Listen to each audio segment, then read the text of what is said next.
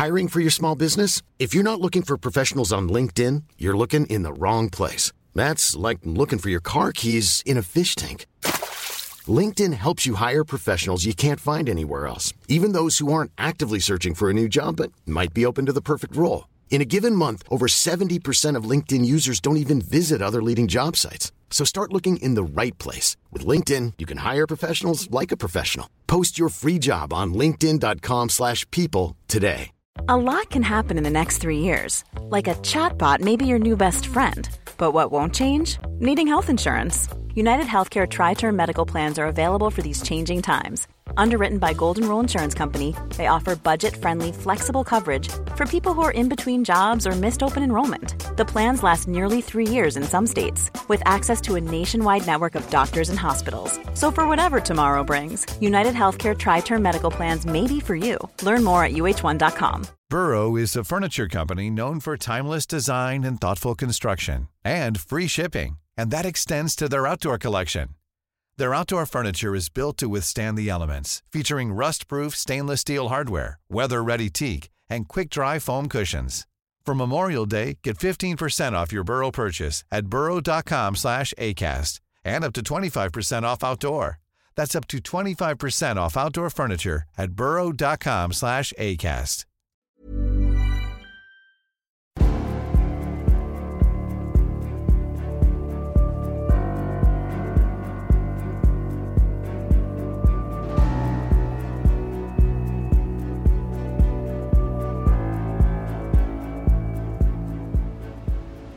Du lyssnar på podcasten Samtal, en podcast med fokus på fria samtal.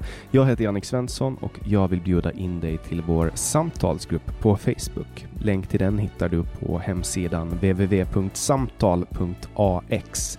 Jag blir också superglad om du vill vara med och hjälpa att stödja det här projektet. Det kan du göra på www.patreon.com samtal eller genom att swisha mig på nummer 070-3522 472.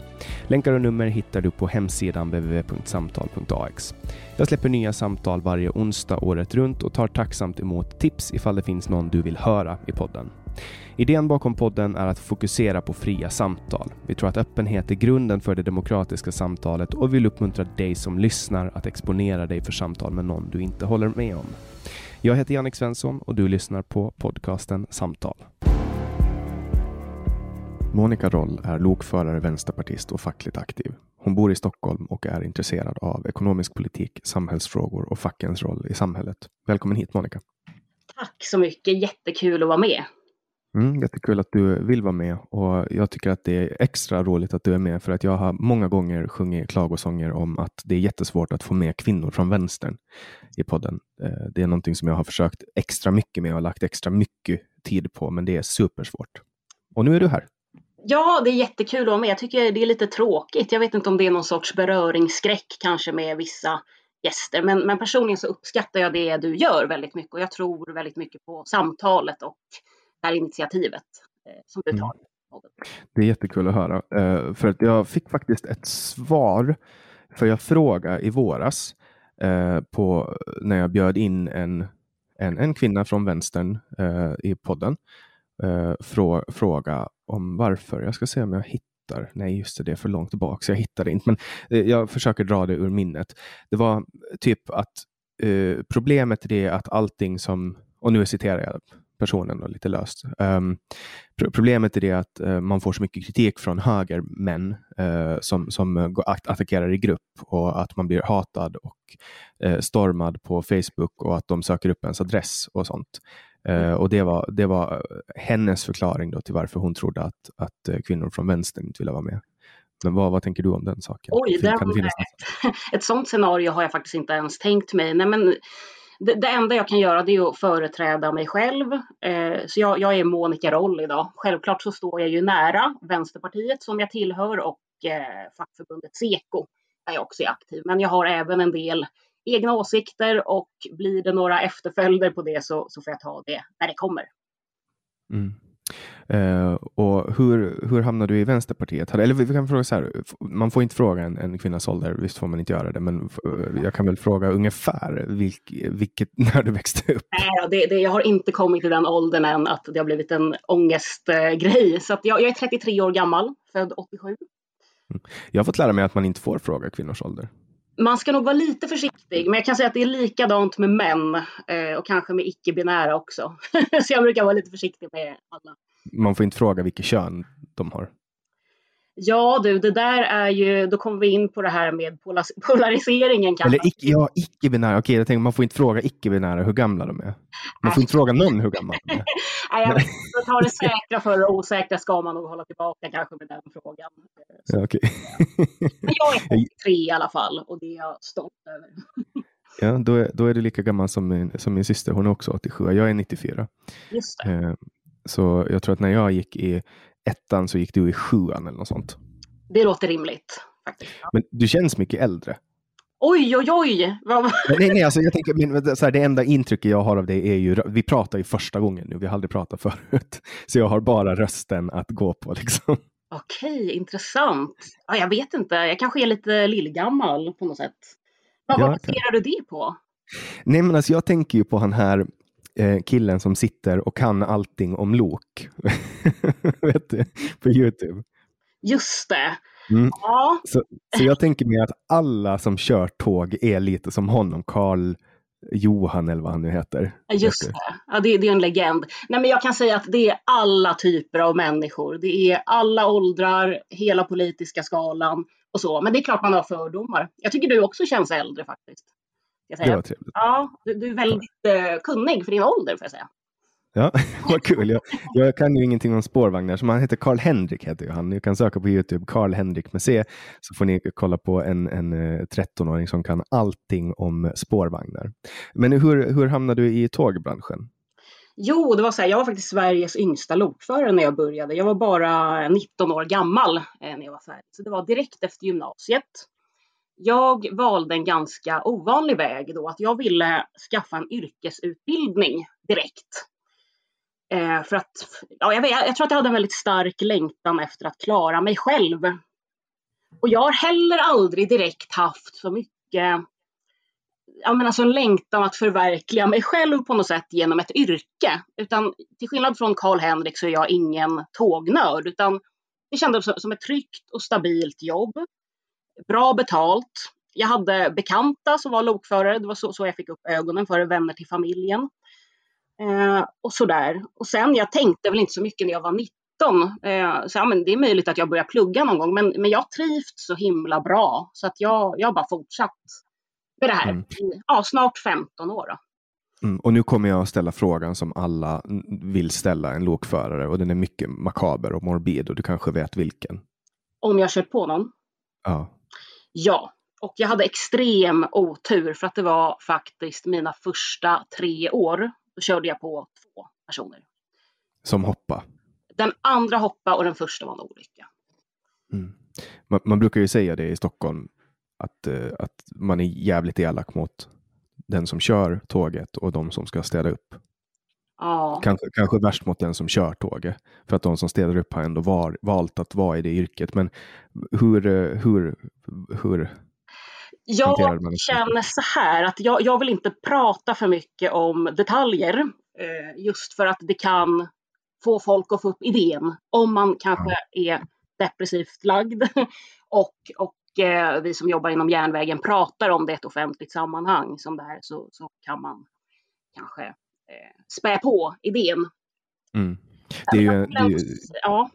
det är ju inget, det är inget effektivt eller bra sätt överhuvudtaget och om man eh, har sådana tankar så ska man ju självklart söka hjälp. Um, ringa 112 eller ta kontakt med, med psykiatrin. Men, men jag, jag, tänk, jag, försöker, jag, jag försöker alltid komma in i de här samtalen ur den här nyfikenheten. Du vet, ställa frågor. Som, som journalist så skulle jag aldrig kunna ställa den här frågan till dig. Om, om jag träffar dig i ett sammanhang där jag intervjuar dig för en i ett journalistiskt sammanhang. För där har man liksom en kod som man måste följa. Men här är det bara nyfikenheten tror jag som ställer ja. frågor. Men utan att säga för mycket så kan, kan jag väl ändå säga så här att jag fick ingen ögonkontakt med de här personerna. Um, och, och det, det, var liksom inga minderåriga eller, eller någon så alltså det hade kunnat vara mycket värre situationer. Så att jag återhämtade mig ganska fort och fick väldigt bra stöd från de företagen jag jobbade på. Sådär. Mm. Men, men det finns ju situationer där det inte alls har gått så. Där det är personer som inte har kommit tillbaka till yrket igen.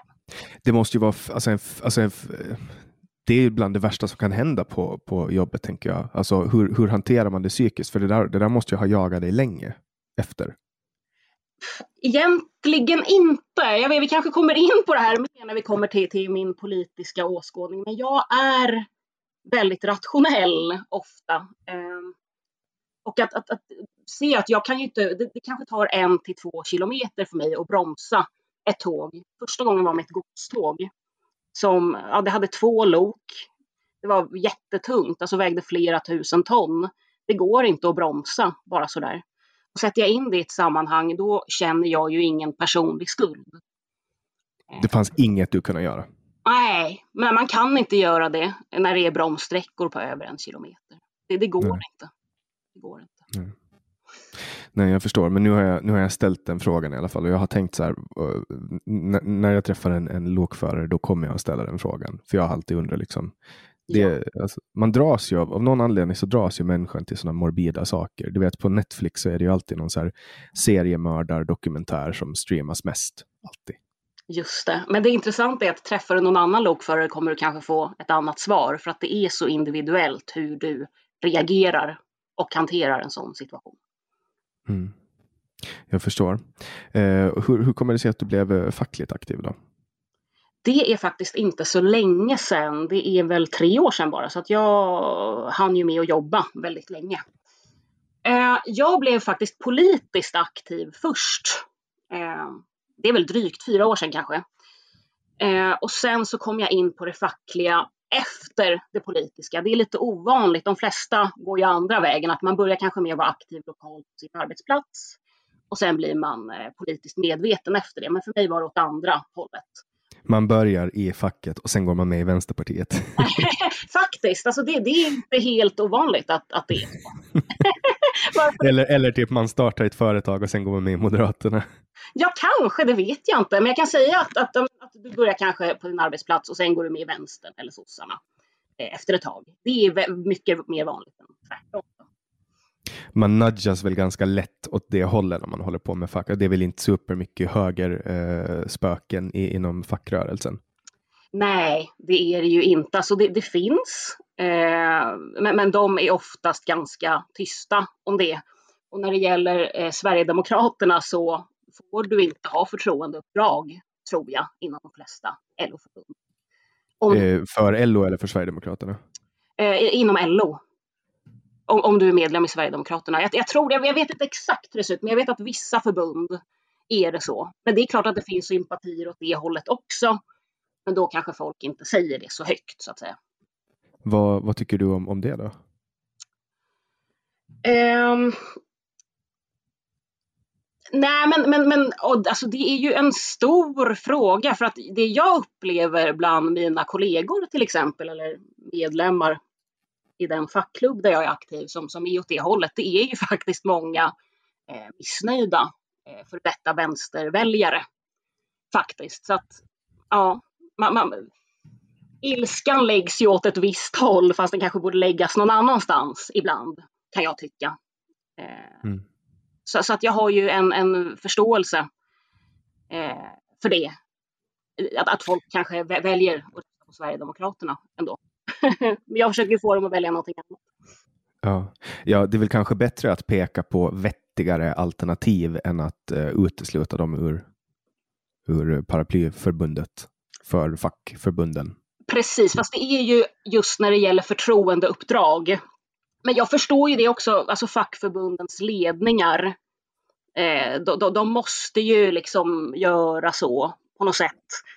Eh, man måste följa den linjen. Alltså det är bara att kolla på politiken på januariavtalet att man ska stänga dörren åt det hållet. Det, det är möjligt om Sverigedemokraterna kanske växer till ett regeringsparti om några år att, att det blir på ett, på ett annat sätt. Men, men ja, det är så det ser ut nu i alla fall. För jag menar Sverigedemokraterna ur mitt perspektiv är de väldigt långt till vänster, alltså rent ekonomiskt. det håller jag absolut inte med om. ja, men alltså jag, alltså jag kollade in deras skuggbudget som de gjorde för förra året. Mm. Och det var liksom, eller för 2021. Och, och det var ju liksom ökade utgifter, ökade utgifter, mera stat, mera stat, mera stat, mera kontroll. Det är vänsterpolitik i min värld. Alltså det kan mm. i och för sig bero på corona ganska mycket också att eh, alltså med den eh, det BNP-fall vi har haft, då måste ju staten gripa in. Det är väl inget parti där man liksom vill strama åt i de offentliga finanserna just nu. Så att så Sverigedemokraterna följer väl bara mängden egentligen. Där. Jag, jag tänker att det är ett perfekt tillfälle att, att strama åt olika saker. För man får ju, det är ändå massa människor som du vet, inte kan gå till sina jobb och så vidare. och så vidare. Alltså man, man hittar ju olika sätt att effektivisera och, och så. Men det är ju det man inte gör. Hur menar du då med liksom effektivare produktion? Eller att man borde. Man gör ju inte nu, absolut inte, men man borde. Ja, ja det, det borde man verkligen göra, men det, men det är ju inget som kommer med en handvändning. Tvärtom så är ju vi är väldigt beroende av staten nu. Alltså både företagen behöver ju de här bidragen eller lånen som, som staten kan. Ja, men staten kan ju också sluta ställa krav på uh, företagen. Ni behöver inte betala skatt. Det, det, jag tycker att det är första, första bidragsformen man bör göra är att ta bort skatten från företag och sträva med att för, beskatta dem så lite som möjligt. Ja, det är ju en ganska, eller en väldigt libertariansk ståndpunkt eh, får man säga. Ja, jag är ju väldigt libertarian också. jag har anat det. Jag har anat det. Nej, men där är vi ju väldigt olika. Eh, jag, jag, ser det ju som väldigt nödvändigt att staten tar ett stort ansvar. Eh, vi kan, ja, men jag, har ju, jag kan ju komma in på det att jag har ju varit med och skrivit ett finanspolitiskt manifest som heter Totalrenovera Sverige. Som handlar just om lånefinansiering, Eh, och som vi har drivit då inom Vänsterpartiet där vi vill se att man ökar de offentliga finanserna för att kunna göra stora investeringar från statens håll. Så att det här har ju vi legat på med redan innan coronakrisen. Att med, med de goda statsfinanserna vi har i Sverige, då finns liksom alla möjligheter att staten går in just för att investera och öka sysselsättningen. Men efter att corona har brutit ut så, så har ju det här blivit konsensus. Liksom. Att marknaden... Men, men sysselsättning, alltså inte, inte uh, riktiga arbeten då? Eh, jo, absolut riktiga arbeten. Eh, först och främst riktiga arbeten skulle jag säga. För sysselsättning, när man pratar om sysselsättning, det gör ju alltid Stefan Löfven eftersom han har så hög arbetslöshet. Så pratar han om statligt subventionerade jobb istället, eh, vilket där ingår folk som jobbar och folk som är sysselsatta och de har jobbat någon timme per vecka på ett statligt avlönat jobb, då pratar man om sysselsättning, att de har något att göra. Men i min värld så är det där ett nyckeltal som man har uppfunnit bara för att få det att se bra ut på papper. Man kan säga att sysselsättningen är hög. Jo, men man kan vrida och vända på statistik eh, och olika, olika regeringar gör ju på olika sätt. Alliansen, man vill få det till att ja, men, ökade eller minskade sysselsättningen under deras regeringsperiod. Vad var det? Vad var det? Det var någon minister, någon socialdemokratisk minister som sa att vi hade ett högt arbetarutbud eller arbetskraftutbud eller något sånt. eh, istället för att säga låg arbetslöshet. Så det där är riktigt så här Orwellisk eh, new speech. Just det. Ja, men det, du får försöka använda ett positivt eh, språkbruk som ansvarig politiker. Nej, men... I min värld är det där fake news. Alltså, det hittar du liksom vrider och vänder. Det är manipulation. Det är liksom fulspel ur mitt perspektiv. Men å andra sidan så är det ju bara att vänja sig med hur politiker pratar. Alltså vänstern pratar om skattekvot, högern pratar om skattetryck. Och så lägger man väldigt stor värdering i vilket ord man väljer. Eh, och det, det, är väl klart att man dras med i det där, men om man ser bortom språkbruket så tänker jag väl så här då om sysselsättning att alltså det beror på vad folk efterfrågar. De flesta vill ju ha stabila, trygga jobb. Men sen vissa, ibland kanske man har ett behov av att vidareutbilda sig, som du var inne på med, med teknisk utveckling inom en bransch. Då, då, kan ju en sysselsättning vara att du kanske blir utbildad i den här nya tekniken som behövs på din arbetsplats. Så att, ja, det, det beror ju på vad som efterfrågas. Liksom. Mm. Utbildning är en form av sysselsättning som också är en investering, så att säga.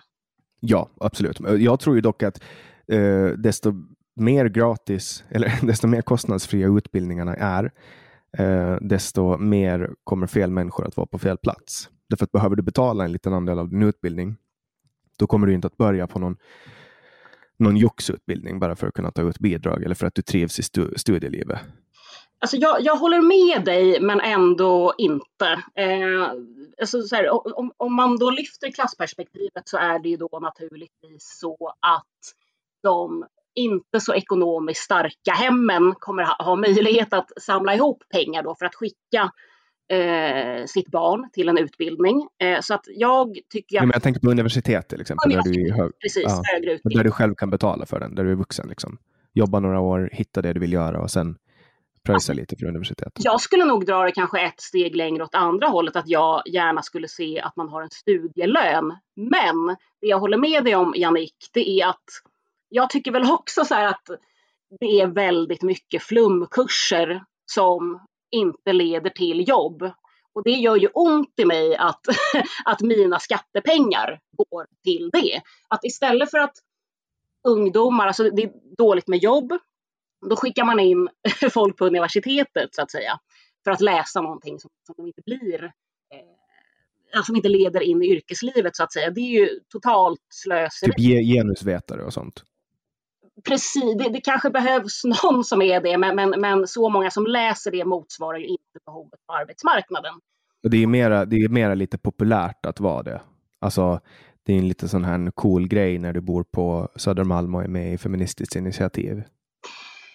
kanske det, kanske det. Så det blir ju mycket symbolpolitik när man, när man liksom ska rikta in sig på genusvetenskapens vara eller inte vara. Men, men, men det är ändå, jag tycker att det är viktigt att de högre utbildningar som man är med och betalar för faktiskt motsvarar efterfrågan. Att hur många läkare behöver vi kommande decenniet? Ja, men då har vi så många utbildningsplatser. Mm. Ja, det är ju flera som söker läkare än som kommer in. Ja. Eh, och så. Och sen finns det ju typ arkeologprogrammet och sånt som typ ingen söker. Eh, och därför tar de in vem som helst. Och där har vi också, eh, likt fria marknaden, när det kommer till gods och tjänster, så, så finns det en, ett utbud och en efterfrågan på utbildningar också. Just det. Och där tänker jag, men jag tänker på just uh, genusvetenskap. Ordet genusvetenskap, på engelska är det ju gender studies, men på svenska har man, på tal om ord då, på svenska har man valt att kalla det genusvetenskap, men det finns inget land annat än Sverige, vad jag vet i alla fall, som säger gender science. Mm. Det finns ju ingen vetenskap i det, det är ju bara du kan ju inte bevisa eh, saker fysiskt. Det, det, är, ju, det, är, ju, det är ju en hypotes. Det är ju likt, eh, ja, men, okay, psykologi är ju också en vetenskap, men där kan du utföra olika experiment som du kan. Eh, men jag, tänker att är, man, har, man har valt att kalla det för genusvetenskap i Sverige. Och den går väl inte att falsifiera, så att säga. Exakt. Vilket, ja. Vilket är ett stort problem, för då är det ju, kan man ju argumentera för att det inte är en vetenskap. Ja, men, men ja, det, det är intressant för att det finns ju hela tiden en norm. Eh, det, det, finns vissa idéer som, vad ska man säga, som styr i ett samhälle, som får starkt fäste i ett samhälle hos staten. Och där har ju genusteorierna kommit in. Mm. Ja, för hundra år sedan var det ju rasbiologi. Just det, det stämmer. Och, och, då, och det var ju också, det genomsyrar ju hela staten också. Folk tyckte det var jätteintressant, i synnerhet Hitler. Ja, gud ja. Nej, men jag håller med dig att det är ju baserat på känslor. Det är inte baserat på, eh, vad ska man säga, fakta, så att säga, utan det är ju hur man upplever någonting. Eh, och det är alltid problematiskt. Eh, jag säger inte att det inte ska finnas någon genusvetenskap, eh, men, men, men eh, jag, jag, kan tycka att det här är problematiskt när, vad ska man säga, känslobaserade eh, jag vet inte om man ska kalla det ideologier, men att det får ett så starkt fäste. Så ja, men jag tänker att de kan, alltså, om de vill läsa det så kan ju de få betala för det själv. Alltså, precis som till exempel, det finns inte många PT-utbildningar i Sverige som är statligt finansierade. Mm. Utan du får betala själv, så 30 000, 50 000 vad det kostar. Nej, men jag tycker väl ändå om det gäller humaniora eh, så, så, så, ska ju absolut, jag betalar gladeligen för att människor ska kunna förkovra sig, att man ska få möjligheten att studera, forska och så vidare. Men som sagt, idag blir det mycket en symbolisk fråga och att många arbetare, eh, många från arbetarklassen upplever att massa skattepengar läggs på eh, saker som man inte står bakom. Och det gäller inte bara utbildningar, så annat, det är ju det här med genuscertifieringar. egentligen är det ju inte så stora summor som läggs på de här sakerna, men, men det sticker ju i folks ögon. Eh, ja. Alltså den där symbolpolitiken, det var som här, häromdagen, eller idag, det var idag, bara för någon timme sedan, så var jag på ICA Maxi i Gustavsberg, eller i Mölnvik. Och då har de så här, vid entrén så har de en jätte, jättestor skylt där de har eh, flera människor som står med så händerna i kors och så är det så här, olika färger, olika bakgrunder, olika ålder, olika kön och så står det välkommen på massa olika språk. Mm. Eh, och sen står det under, vi på ICA värdesätter mångfald och bla bla bla. bla, bla. Istället för att använda den där ytan till till exempel att upp, alltså, så här, skriva om coronastrategin eller alltså, någonting, du vet hur man ska så här, tänk på det här eller typ fem bananer för två eller liknande så använder de det till att här, signalera, kolla på oss vad vi är duktiga. Det här är en, det här är en politisk hipp-fråga, det här ska vi prata om. Ja. Typ så. Jo, men, det, men det, är ju det är precis som det var egentligen på 70-talet. Jag, kommer, jag vet inte om du har sett, har du sett den här Coca-Cola-reklamen? Där det är en, en massa hippies som står och sjunger en sång och håller i en varsin Coca-Cola-flaska. Ja, när de, de anpassade till tidens strömningar, men de fick väl ganska mycket skit för det, eller? Jo, men pre precis, men jag menar, vi pratar ju om det 40 år senare ändå. Ja. ja. och det är liksom samma sak idag, att alltså, företag knyter an till eh, det, det, som är någon sorts politisk medvetenhet och försöker sälja med det. Alltså H&M har ju använt ja. BLM, eh, kroppsaktivism är väl... Eh, Men H&M har ju också gjort bort sig. Vi har pratat om det i somras i min andra podd, eh, Generation YX, hur de hade en bild på ett, ett, svart barn som stod i en tröja som det stod Coolest Monkey in the Jungle på. Ja, det, jag kan inte uttala mig om det. Det är möjligt att det bara blev lite fel. Lite fel. Sen hade de också en, en hatt också som hette n-ordet beanie hat um, ja. på engelska eh, som de råkar släppa ut från sin marknadsavdelning och sådana grejer. De har ju varit blåsväder flera gånger för Det rasism. låter ju bara klantigt. Eller, eller så är det kanske liksom för, för att trolla att man ska prata om det i poddar, att Aftonbladet ska skriva en artikel. Gratis. jag vet inte. de fick mycket i alla fall, men alltså, jag vet inte. De gjorde, som du säger, de gjorde en grej av VLM på samma sätt som Gillette gjorde en grej av metoo. Gjorde de det? Hur gjorde de då? De gjorde ju någon, någon uh, the best a man can get vad är deras slogan, så ändrar de slogan till the, Be the best a man can be eller något sånt. Mm. Uh, de, och så gjorde de en grej med så här, folk som tittar på flickors rumpor och grejer. Så Herregud. Ja. De Nej, satt jag, också redo på Jag är inte alls förvånad, men jag tycker, jag har lyssnat på en del avsnitt i din podd. Eh, jag är väldigt, jag gillar att lyssna liksom på allt möjligt, läsa allt möjligt, försöka ha så lite skygglappar som möjligt och ta in eh, olika perspektiv. Och jag tycker ibland att man alltså till exempel att folk som varit med i den här podden lite lättvindigt kan definiera det som vänstern, alltså de människor som håller på med antirasism, feminism, att man, att man ska använda rätt pronomen, pronomen. Det är liksom de som är vänstern. Men jag vill ju mena att sådana här frågor, alltså för H&M att, att knyta an till BLM eller för Gillette att knyta an till metoo, det kostar ju ingenting för dem. Alltså vänsterpolitik, det kostar ju. Alltså vänsterpolitik är, det handlar inte om identitet. Indirekt kan det kanske handla om identitet, men vänsterpolitik i synnerhet handlar ju faktiskt om ett jämlikare samhälle. Och jag tycker att de här begreppen ganska ofta blandas ihop. För att om, om det bara handlar om identitet, då, då, skulle jag säga att jag inte är vänster. För att för mig handlar det om så väldigt mycket mer. Mm. Ja, alltså vänstern, det, det, får man ju ändå säga. Jag, jag som står ganska långt ut på högerkanten, rent ekonomiskt i alla fall, jag ser ju att allt som handlar om ökade utgifter är vänsterpolitik. Så ur mitt perspektiv, och jag kan tänka mig att du som står en bit ut på vänsterkanten tänker att allt som, som inte eh, handlar om eh, höjda utgifter eller, eller eh, utökad offentlig sektor är högerpolitik. Ja, alltså det där är ju en ganska grov förenkling. Eller jag kan väl också tycka att, alltså om vi tar Vänsterpartiet idag, har ju kanske hamnat i skattehöjningsträsket liksom i, i argumentationen att eh, du ska ha fastighetsskatt, arvsskatt, du ska höja värnskatten, marginalskatterna eh, och, och, på så sätt ska man ha en omfördelande politik. Och, och jag är också absolut för höjda skatter för en omfördelande politik. Men jag tror ju inte att det är lösningen på allting. Det är därför eh, jag lyfter fram det här med lånefinansiering till exempel.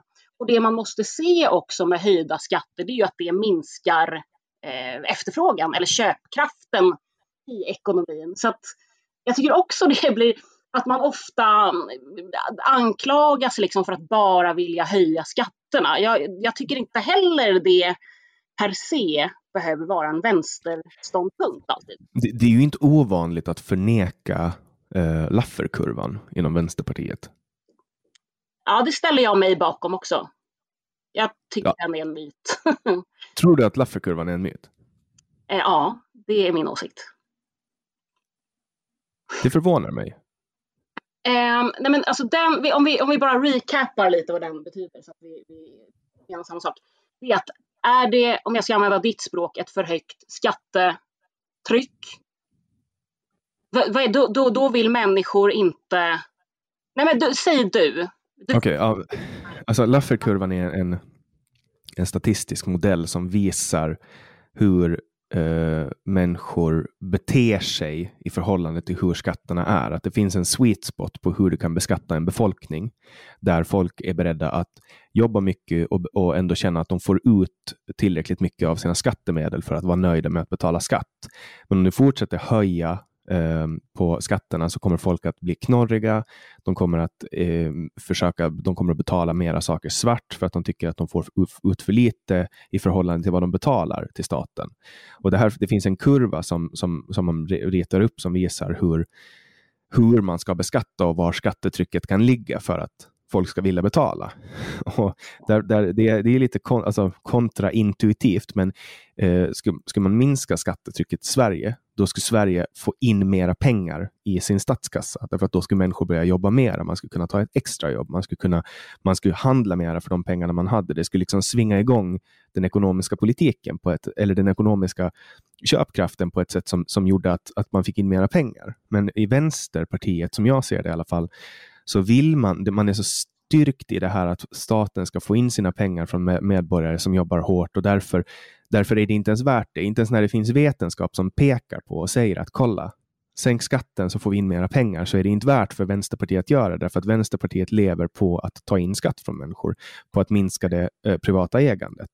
Ja, nej, men, men sen så finns det ju faktiskt eh, vetenskap inom citationstecken som säger precis tvärtom också. Eh, och sen så är det ju inte irrelevant när man pratar om det här vem som betalar skatt. Alltså jag tycker ju till exempel för pensionärer att, att man ska sänka skatterna eh, en, en självklarhet liksom efter många år av slit. Liksom. Då, då är det ju inte de som ska betala eh, stora delar av, av sin disponibla, eller så här, betala in till statskassan. Men däremot att man har en progressiv beskattning, att de som har mest betalar in en större del. För att, alltså, det, mm. det kan... Men det är de som har mest som oftast har flest anställda och de känner sig orättvist behandlade och därför så flyttar de sina företag till Bahamas. Men det är också de som har mest som sparar mest pengar, som, som, som kan placera pengar på börsen och få dem att växa ännu mer genom spekulation. Och skapar mera arbetsplatser åt folk så att folk har möjlighet att jobba. Ja, men, men om vi ser alltså inkomst eller förmögenhetsfördelningen i Sverige. Då. Man pratar om den rikaste en procenten. Och inom den procenten är det ju egentligen en liten del av den som har fruktansvärt mycket pengar. Det Vad ska vi göra med dem då? Ja, alltså, jag, jag tycker ju till exempel att uh, idén om en kapitalbeskattning är positiv. Uh, en högre kapitalbeskattning. Sen kan man ju komma in på det här alltså med, med valutaregleringar. Eh, det, det, har ju varit väldigt framgångsrikt förr inom Sverige att man, man det som byggde upp vårt folkhem egentligen, eller under efterkrigstiden, var ju att du kunde inte föra in och ut valutan ur landet hur som helst. Eh, och jag, jag, tror att vi absolut kan lära en del av den tiden. För att, alltså... ja, så det är ju väldigt enkelt att komma runt det. Det är ju bara att köpa råvaror utomlands. Ja. Ja, men, men, men alltså det är här man måste lyfta fram klassperspektivet eller kanske ett vänsterperspektiv. I men vi kan ju inte förbjuda handel med utlandet. Då kommer ju ekonomin och då måste vi ju ha en ny järnridå. Nu blir det ju väldigt svart och vitt. Eh... Nej, men alltså, alltså, om man, alltså, det krävs ju ett fri, alltså, för att vi ska kunna alltså, leva bra i Sverige så måste vi ju handla med utlandet. Ja, ja självklart. Det tycker jag också. Sen det, det är kanske ett sidospår. Jag tycker att Sverige kanske exporterar för, för mycket idag, att vi skulle tjäna på att höja den inhemska efterfrågan. Det jag pratar om är ju inte råvaror utan valutareglering. Alltså, vi kan se på Kina idag till exempel. Där de skyddar ju sin inhemska ekonomi genom att ha tullar på valutan. Att du kan inte föra in och ut valutan hur som helst. Kina kommer ju bli nästa världsmakt, tror jag. Liksom. På, på grund av sådana bestämmelser. inte minst att staten har en sån stark roll i ekonomin. Ja, och för att de använder de kapitalistiska verktygen. Ja, men nej, det håller jag faktiskt inte riktigt med om. Alltså, du har ju en del ekonomiska frizoner i Kina, Hongkong. Ja, Shenzhen, Hongkong. Precis, Guangzhou eh, och så vidare. Och där har du ju liksom dollarmiljardärer, väldigt rika människor. Men ser du till bankväsendet, då är det helt ägt och kontrollerat av staten jag tror att det är någon regel att blir, alltså ett företag, blir det 50 anställda, jag kan ha fel, det kanske är 80, då blir det förstatligat. Så att Kina är ett vidrigt land, det är en diktatur. Men det är ändå, ändå intressant att se hur statens dominans av ekonomin faktiskt främjar tillväxten eh, och skyddar ekonomin och arbetstillfällen. Alltså de sköter ju ekonomin, de sköter ju sin stat lite som företag. Genom handel. Ja. Genom att skapa det folk vill ha till exempel. De lyckas ju, att ska, de lyckas ju med att skapa saker som eh, Sovjetunionen inte lyckades med. Ja, de, de, ju, de, de gav ju en order på nu ska ni laga 700 000 stövlar. Men då, då, eh, gör de väl inte det, då gör de väl inte det som ett företag? Nej, men det, det staten gör nu är att de outsourcar det till företag som får ta riskerna och, och känna efter liksom att hur, hur ser det ut på marknaden? Vad vill folk ha för stövlar? Vilken storlek ska de ha? Och så vidare. Ja, eh, men, men jag vill, det har jag, är också så här som jag har reagerat på lite när jag har lyssnat på din podd. Alltså det är det här med eh, den osynliga handen. är någonting som vi ofta kommer in på. och som, som jag tycker att du knyter an lite till nu. Att ja, men det, det, alltså man, man producerar efter den efterfrågan eh, som finns. Alltså eftersom marknaden har en osynlig hand. Jag vill ju hävda att det är mycket av en myt. Alltså ser vi ser vi på storföretagen idag i världen, alltså, och så drar du en parallell till kinesiska staten. Egentligen är det ju faktiskt planerade ekonomier. Båda två, skulle jag säga.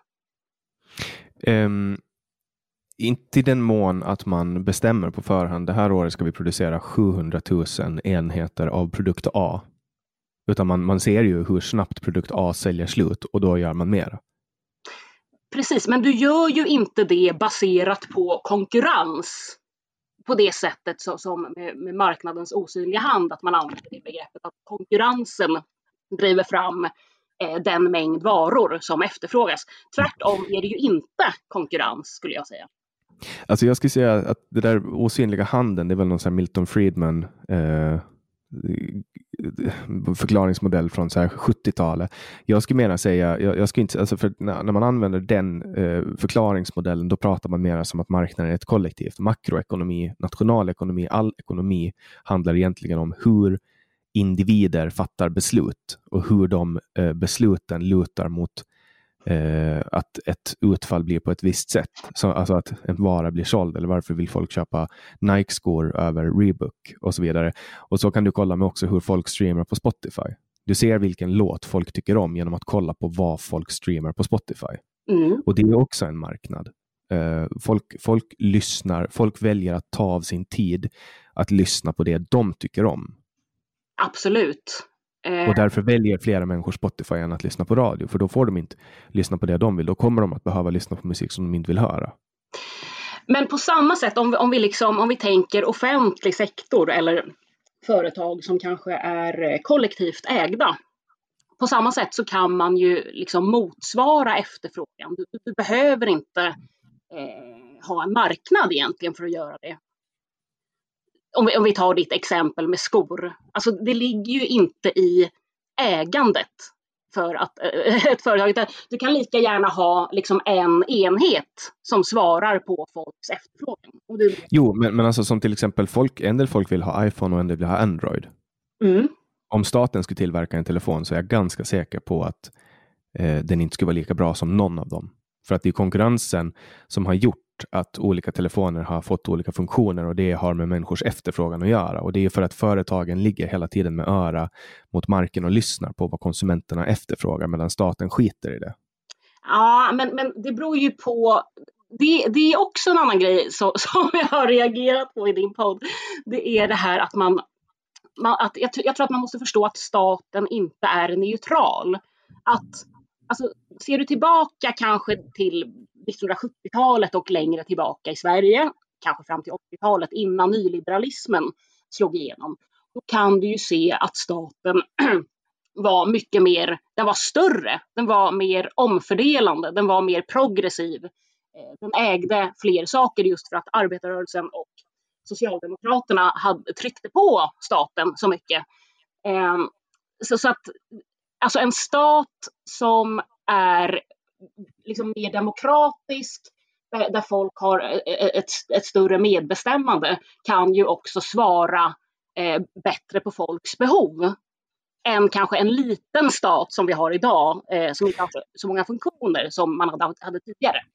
Anledningen att en, en demokratiskt styrd stat misslyckas med att uppfylla folks behov är för att en demokratisk stat styrs av politiska val och ett politiskt system och alla de politiska system som vi har idag är, eh, skapar korruption. Därför att likt, alltså, eh, likt allt annat, alla arbetsplatser, alla skolor, alla sportklubbar, alla olika sammanhang så skapas en hierarki och sätt att runda de regler som finns. Eh, och, och, Så sker även inom politiken och det är därför det finns proffspolitiker eh, som inte alls är intresserade av att göra saker för folket, utan de lär sig att prata fint eh, till människor eh, så att man ska få förtroende för dem eh, vart fjärde år och sen använder de sina fyra år till att eh, genomföra symbolpolitik och nöja sina väljare eh, för att sen kunna gå tillbaka nästa år och säga tjena nu är jag sugen på 65 000 kronor i månaden igen. Kan ni rösta på mig please? Mm. Nej, men det, det, det, jag, det, håller jag ju med om att eh, alltså, politikerlönerna är ju problematiska. Jag tycker ju, mitt parti, Vänsterpartiet, där har vi ju vår berömda partiskatt. Så att våra... Ja, men Vänsterpartiet var ju med och höjde eh, riksdagsledamöternas och eh, regeringens löner. Ja, jag, jag, jag, kan tänka mig. Du är säker på att de röstade? De tryckte på den knappen för att höja lönen? Ja, men det, lönerna höjdes i alla fall och de stödjer ju regeringen. Ja. Så Centern var ju också med. Men det, för de är ju också ett stödparti till minoritetsregeringen. Ja, ja men, jo, men absolut. Men alltså, jag kan ju bara utgå alltså, från, från vänstern. Alltså hur, hur andra partier ska fungera, det är ju upp till dem. Men jag skulle gärna se, eller liksom, alltså, man kan ju öka demokratin, till exempel genom att lättare kunna avsätta någon eh, man inte är nöjd med. Det är ju ganska trögt idag. det, man har liksom inte den traditionen och de strukturerna. Tänker du från riksdagen eller regeringen? Eh, ja du, det, alltså, det, det, är ju lite både och egentligen. Men, men alltså, man får hitta en balans där. För att samtidigt så är det ju bra med en sorts tröghet i det demokratiska systemet. Du kan inte ha för mycket svängningar hit och dit. Kolla bara på valet, senaste valet, då det tog flera månader innan vi fick en regering. Eh, det, det, det, blir liksom ingen bra politik. Budgeterna drar åt alla håll. Alltså det är en fördel att ha en tröghet i demokratin också. Att, att du kan ha politiker som, som sitter länge och kan genomföra saker. Alltså se på socialdemokratin under 1900-talet. Mm. Ett jätte, jättestort problem är det att eh, den här regeringen som sitter nu, minoritetsregeringen Stefan Löfven 2, där avgår ju inte folk. Alltså Stefan Löfven avgick inte efter Transportstyrelseskandalen. Han, han lät Ygeman ta en break och sen fick han bli minister på nytt. Uh, och han fick jobba, han fick jobba i, som gruppledare för Socialdemokraterna i riksdagen. Uh, och det alltså ingen minister får avgå. Stefan Löfven avgick inte efter att han gick ut under coronapandemin. Inte Morgan Johansson, inte mm. Magdalena Andersson. Alltså, Men det är ju den här, och det är, det är ju regeringen som ska avgå, för de sitter ju på förtroende från riksdagen. Men i riksdagen så finns det en anledning till att man inte kan avgå. En riksdagsledamot kan inte avgå. Och Det har att göra med att, och man kan inte heller avsätta dem om de inte blir dömda för ett grovt straff eller har synnerligen vägande skäl för att få begära befrielse som måste godkännas av två tredjedelar av, av riksdagen. Och, och Det har att göra med att att eh, majoritetsblocket inte ska kunna kasta ut obekväma människor från oppositionen. Därför är det jättestark lagstiftning kring att man inte ska kunna avsätta någon från, från riksdagen om det inte finns jättestora eh, problem. Men, men däremot regeringen, att inte de kliver ner eller att inte Vänsterpartiet sätter tryck på Socialdemokraterna eh, och att inte Centern gör det, det, det ställer jag mig jättefrågande till. För det här är ju människor, alltså, vi såg ju hur, hur den här sossetoppen nu var ute och lalla på stan eh, trots att de själva stod och sa att undvik de här offentliga sammankomsterna. Ja, det, det, alltså vi, vi har ju liksom politiska vildar å andra sidan, så det, det är ju någonting vi får se. Det är rätt intressant egentligen att, att, att den, den, personen tillhör inte längre det partiet som eh, folk har röstat på, utan den kan ju driva sin egen linje i riksdagen egentligen. Så att, visst, du sitter kvar, men du kan ändå fortsätta som politisk vilde så att säga. Så, så är det ju. Men när det gäller regeringen, eh, vi har ju sett folk så, som har eh, fått avgå, även partiledare. Men jag tror ju faktiskt att det här januariavtalet är någonting som, som spelar in. Att mittenpartierna vill hålla ihop. Man vill inte eh, skapa en för stor instabilitet eh, när det borgerliga blocket är så starkt. Då... Nej, men det där är ju också, man har ju länge hållit på med alliansfritt Sverige från vänsterhåll. Och nu har man ju fått det. Du menar alliansen, de borgerliga partierna? Ja, alltså man, vänstern höll på länge, alltså Socialdemokraterna, Miljöpartiet, Vänsterpartiet höll på länge med alliansfritt Sverige som var någon kampanj för att upplösa alliansen. Ja, men alliansen är ju upplöst och liberal. Ja, nu är den det. Nu är den det. Stödpartier. men så att, jag, vet, jag, jag, tänker ju i alla fall att, att politiken skulle kunna funka på ett mer dynamiskt sätt. Men det bygger ju också på att folk är mer aktiva. Eh, och sådär. Men jag kan också, jag menar det har ju varit drev mot, mot Ebba Busch ganska, tydlig, ganska nyligen. Eh, och sådär. Alltså, ibland behöver ju folk en andra chans. Alltså det är ju faktiskt mycket opinionen och media Eh, och hur andra partier väljer att, att trycka på. Det är det som mm. avgör mm. huruvida någon blir avsatt. Och media finansieras till stor grad av, av eh, mediastödet som, som drivs fram av vänsterpolitik. Det kommer vänsterpolitik och det går till vänsterpolitiska tidskrifter mycket. Alltså Aftonbladet och Expressen har ju båda lutningar mot vänster och, och, och DN till exempel och sen finns ju alla ETC och så vidare. och så vidare.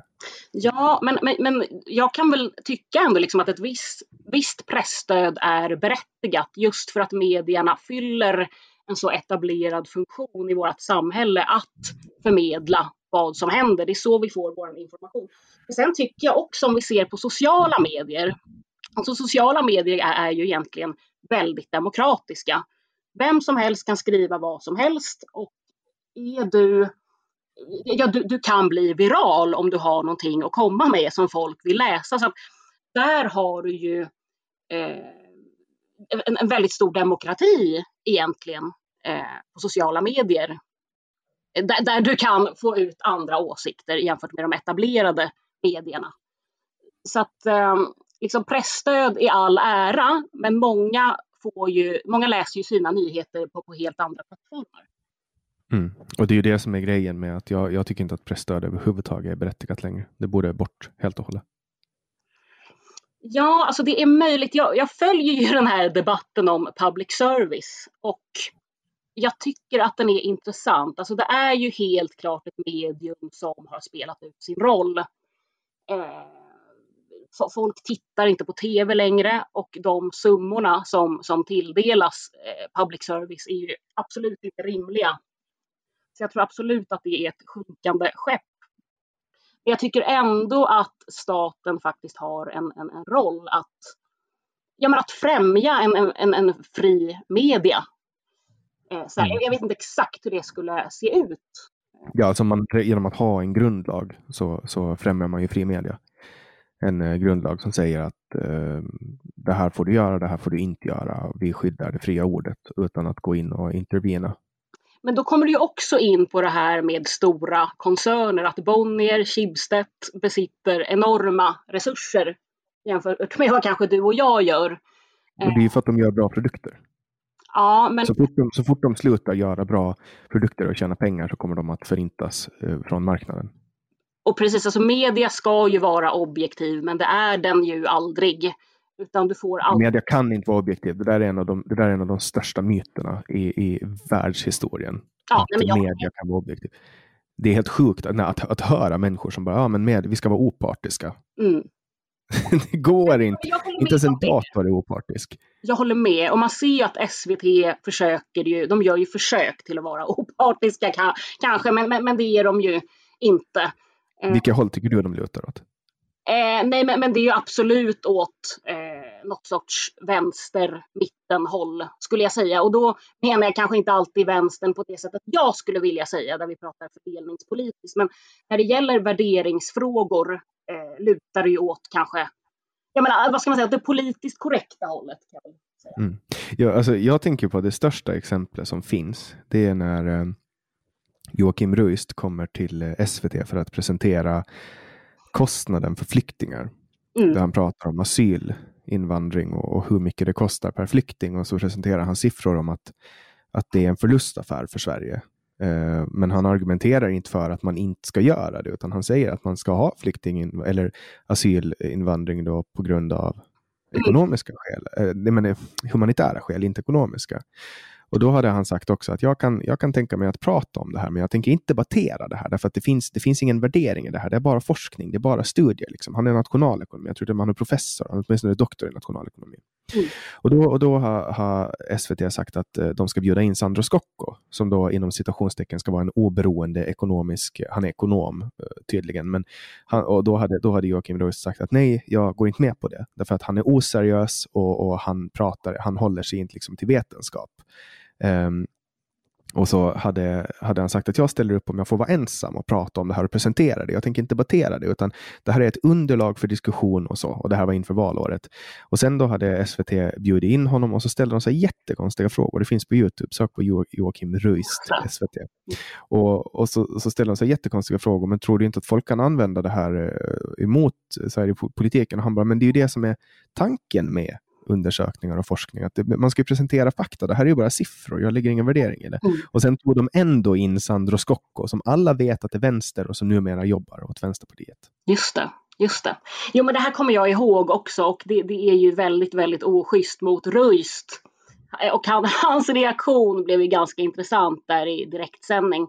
Eh, men han var ju med i Kvartal, tror jag, i deras intervjupodd där någon vecka senare.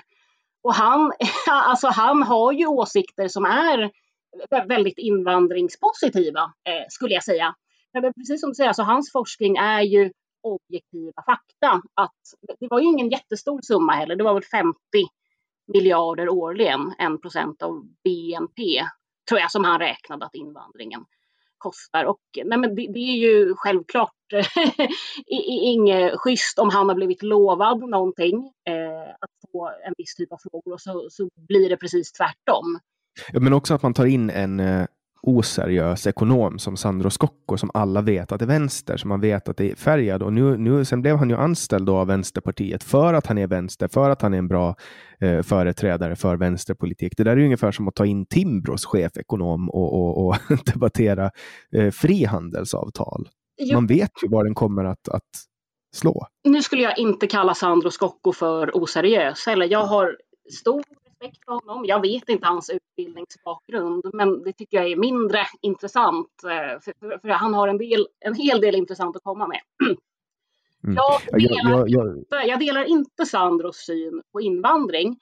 Jag förstår ju också just i public service att du måste ta fram olika sidor. Jag börjar osökt tänka på det här med vaccinkritik eh, där man vid ett antal sammanhang i SVT har bjudit in vaccinkritiker när det har debatterats. Och det har ju fått mycket kritik. Så att alltså i vissa frågor då har du en väldigt stor konsensus. Eh, och så kanske det är ett fåtal som ifrågasätter någonting. Då kanske det är mindre lämpligt att bjuda in någon med motsatt åsikt. Men Ja, de, får ju, de får ju oproportionerligt mycket att säga till om i den frågan. Vaccinkritikerna? Ja, exakt. Ja. Alltså man, får, man ger ju dem en enorm plattform genom, genom att låta dem eh, debattera med någon som håller med, som har liksom 80 procent av befolkningen, 85-90 procent ja. av befolkningen på sin sida. Så ger man en, en sån liten, liten, liten klick, jättestor plattform, då sprider de sina idéer. Precis, men å andra sidan migrationsfrågan där du verkligen ser en polarisering där vi liksom nästan ligger 50-50. Sådär, alltså det är väl en gråskala hur folk ställer sig. Eh, då, tycker jag att det är rimligt att man ändå tar in olika ståndpunkter. Men jag tycker ju inte... Men jag ser aldrig Per Öberg från Nordiska motståndsrörelsen i SVT och pratar om invandring. Nej, det är väl många anledningar till det. Men det finns 2000 nazister i Sverige typ li lika många som det finns vaccinförnekare eller vaccinmotståndare. Typ. Men det här var ju Aktuellt eller Rapport. Eh, där ska du väl ändå liksom belysa de aktuella frågorna och på något sätt ja, de stora strömningarna eh, i samhället, var de står i vissa frågor. Så det är, visst, man kan väl göra en dokumentär om NMR eller sådär. Jag har sett klipp från Almedalen där, där de kommer fram. Samma sak åt, åt vänstersidan kommunister som får komma, komma till tals. Men att extremer står i Aktuellt och kommer till tals är ju kanske inte så ofta det händer och det tycker mm. jag är så konstigt. Jag, jag, jag intervjuade en nazist i Almedalen för, för förra sommaren. Mm. Och det var, alltså, jag tänkte på det häromdagen, för jag såg i en Facebookgrupp att någon hade sagt att, skrev så här att ja, det är så roligt att se nazister som förnekar förintelsen för att eh, fast det är det som är deras mål att judarna ska dö? Och, och den frågan ställde jag av nyfikenhet eh, till, till han Per Öberg då, i, eh, i Almedalen. Jag ställde så här frågan, men alltså om ni vill ju att judarna inte ska finnas och vara här och så. Varför förnekar ni då att förintelsen har funnits? Det skulle väl vara bra om den har funnits? Och då blir han så här, men vad, va? Så vi vill inte döda folk. Så varför tror du att jag vill döda folk? Han blev så här chockad och nästan lite illa upp för att jag bara antog att han tyckte att mord var okej. Okay. Eh, och då får jag någonstans tugga i mig att men, han kanske inte tycker det. För det han förklarar för mig var i alla fall att han vill att eh, de ska eh, flytta någon annanstans. Just det, man ska leva separerade. Eh. Ja, men, men han menar att han vill inte skicka in dem i någon dödsfabrik intressant. Mm, ja, och, då, här, och då, får jag, då får jag ändra min bild. För jag, jag kommer ju aldrig, även om jag vet att en nazist inte vill döda någon, så kommer jag aldrig att tycka att nazister är bra människor som jag vill beblanda mig med. Nej, men alltså ett begrepp som nazist, då knyter vi ju an till andra världskriget och alla vidrigheter som skedde då, där man faktiskt inte bara eh, utrotade judar utan även slaver och eh, andra folkgrupper. Um, så, så du, liksom, du läser ju in, alltså det är, det, jag tycker det är bra liksom, det här som du gör, att man sätter sig ner, man kan ha ett längre samtal, någon får komma till tals, men alltså, i, i dagens tidevarv då allting ska gå snabbt, då, då läser du in massa saker i begreppet nazist. Eh, så att man får ju tänka på det. Det är samma sak kommunist, socialist, liberal. Du, du, du läser in eh, en massa betydelser Ja, allt är samma för mig. Ja, visst. I mitt perspektiv. Du, jag måste fråga dig, alltså, hur, vad, vad har du fått för eh, mottagningar på det här? Har du fått mycket hat? Eh, var, var, du nervös när du gjorde den här intervjun med Per? Med nazisten? Ja. Eh, um, då var jag fortfarande så ny när jag poddade, så att när jag gjorde den, då hade jag, då hade jag bara hållit på i två, tre månader. Och på den tiden hette podden Säg vad du vill Åland. Jag bytte namn för exakt ett år sedan. Mm. Februari. Och då gjorde jag det väldigt journalistiskt. Alltså jag förberedde frågor, jag pratade med, först pratade jag med honom och sen pratade jag med en, en judisk person då som fick kommentera det. Och prata, så att jag liksom lyfte mot och så var jag så här, gjorde en disclaimer för Jag sa att jag håller absolut inte med honom och så här. Så att jag var lite försiktig och jag var nervös innan för att jag visste inte vad jag förväntade mig. För att jag har ju den här bilden av att en nazist är någon som är, man, alltså de är farliga, de kan liksom komma med kniv på gatan och, och sparka ner en. Man har ju, alla har ju hört om de här hur nazisterna strök runt och sparkade ner invandrare i Gamla stan så på 80-talet och sånt. Mm. Eh, så att jag hade någon form av skrämselbild på det. Så att jag var lite så här, oj, en livslevande nazist. Lite som typ, oj, en livslevande tiger. Förstår du? Mm. så jag var nervös för det och jag gjorde så här konsekvensbedömning. Så här, ska jag göra det här? Kommer folk att bli arga? Eh, och det är visst att människor blir lite arga och så, men, men i det stora hela så, så tänker jag att, att om man vill motverka dumma idéer så är det ju bra att folk får höra hur dumma idéerna är så att de kan ta avstånd från dem själva genom egen bedömning. Jag tror inte att människor är dumma. Nej, nej. Och jag tror väl, vi får se hur det tas emot att jag är med här idag, men jag tror ju att de absolut flesta eh, tycker att det är positivt. Sådär. Men, men det är ju väldigt mycket den här beröringsskräcken idag. Och att folk är väldigt ängsliga. Eh, och, och, och, som du säger, alltså våldsbejakande personer finns ju i alla läger. Eh, det finns säkert jätteintellektuella eh, nazister också. Eh, sådär, som, som mest sitter och tänker på, på sin kammare. Um, men, men, men det är tråkigt, alltså det är en enorm ängslighet upplever jag idag. Eller vad säger du? Ja, det är ett stort problem. Uh, många, många som tackar nej, det är inte supermånga som tackar nej, men många som tackar nej gör det på grund av att de är ängsliga för hur folk ska uppfatta det. Och jag, jag, vet inte någon som har varit med här och sen fått skit för det. Förutom René Anetsko i början, som en ålänning som var med och så kritiserade han Socialdemokraterna. Han var en avhoppare mm. och så var det jättemånga som anmälde det på Spotify och så blev han bortplockad och så vidare. Men i övrigt så har inte folk Folk, alltså de som lyssnar på den här podden är väldigt toleranta och de gör det alltså för att investera två timmar i veckan på att lyssna på en helt ny människa som man aldrig hört förut så krävs det att man är öppen och ha, har ett öppet sinne och klarar av att utsätta sig för andra människors åsikter. Annars lyssnar man inte på den här podden. Intoleranta människor lyssnar på annat. Mm.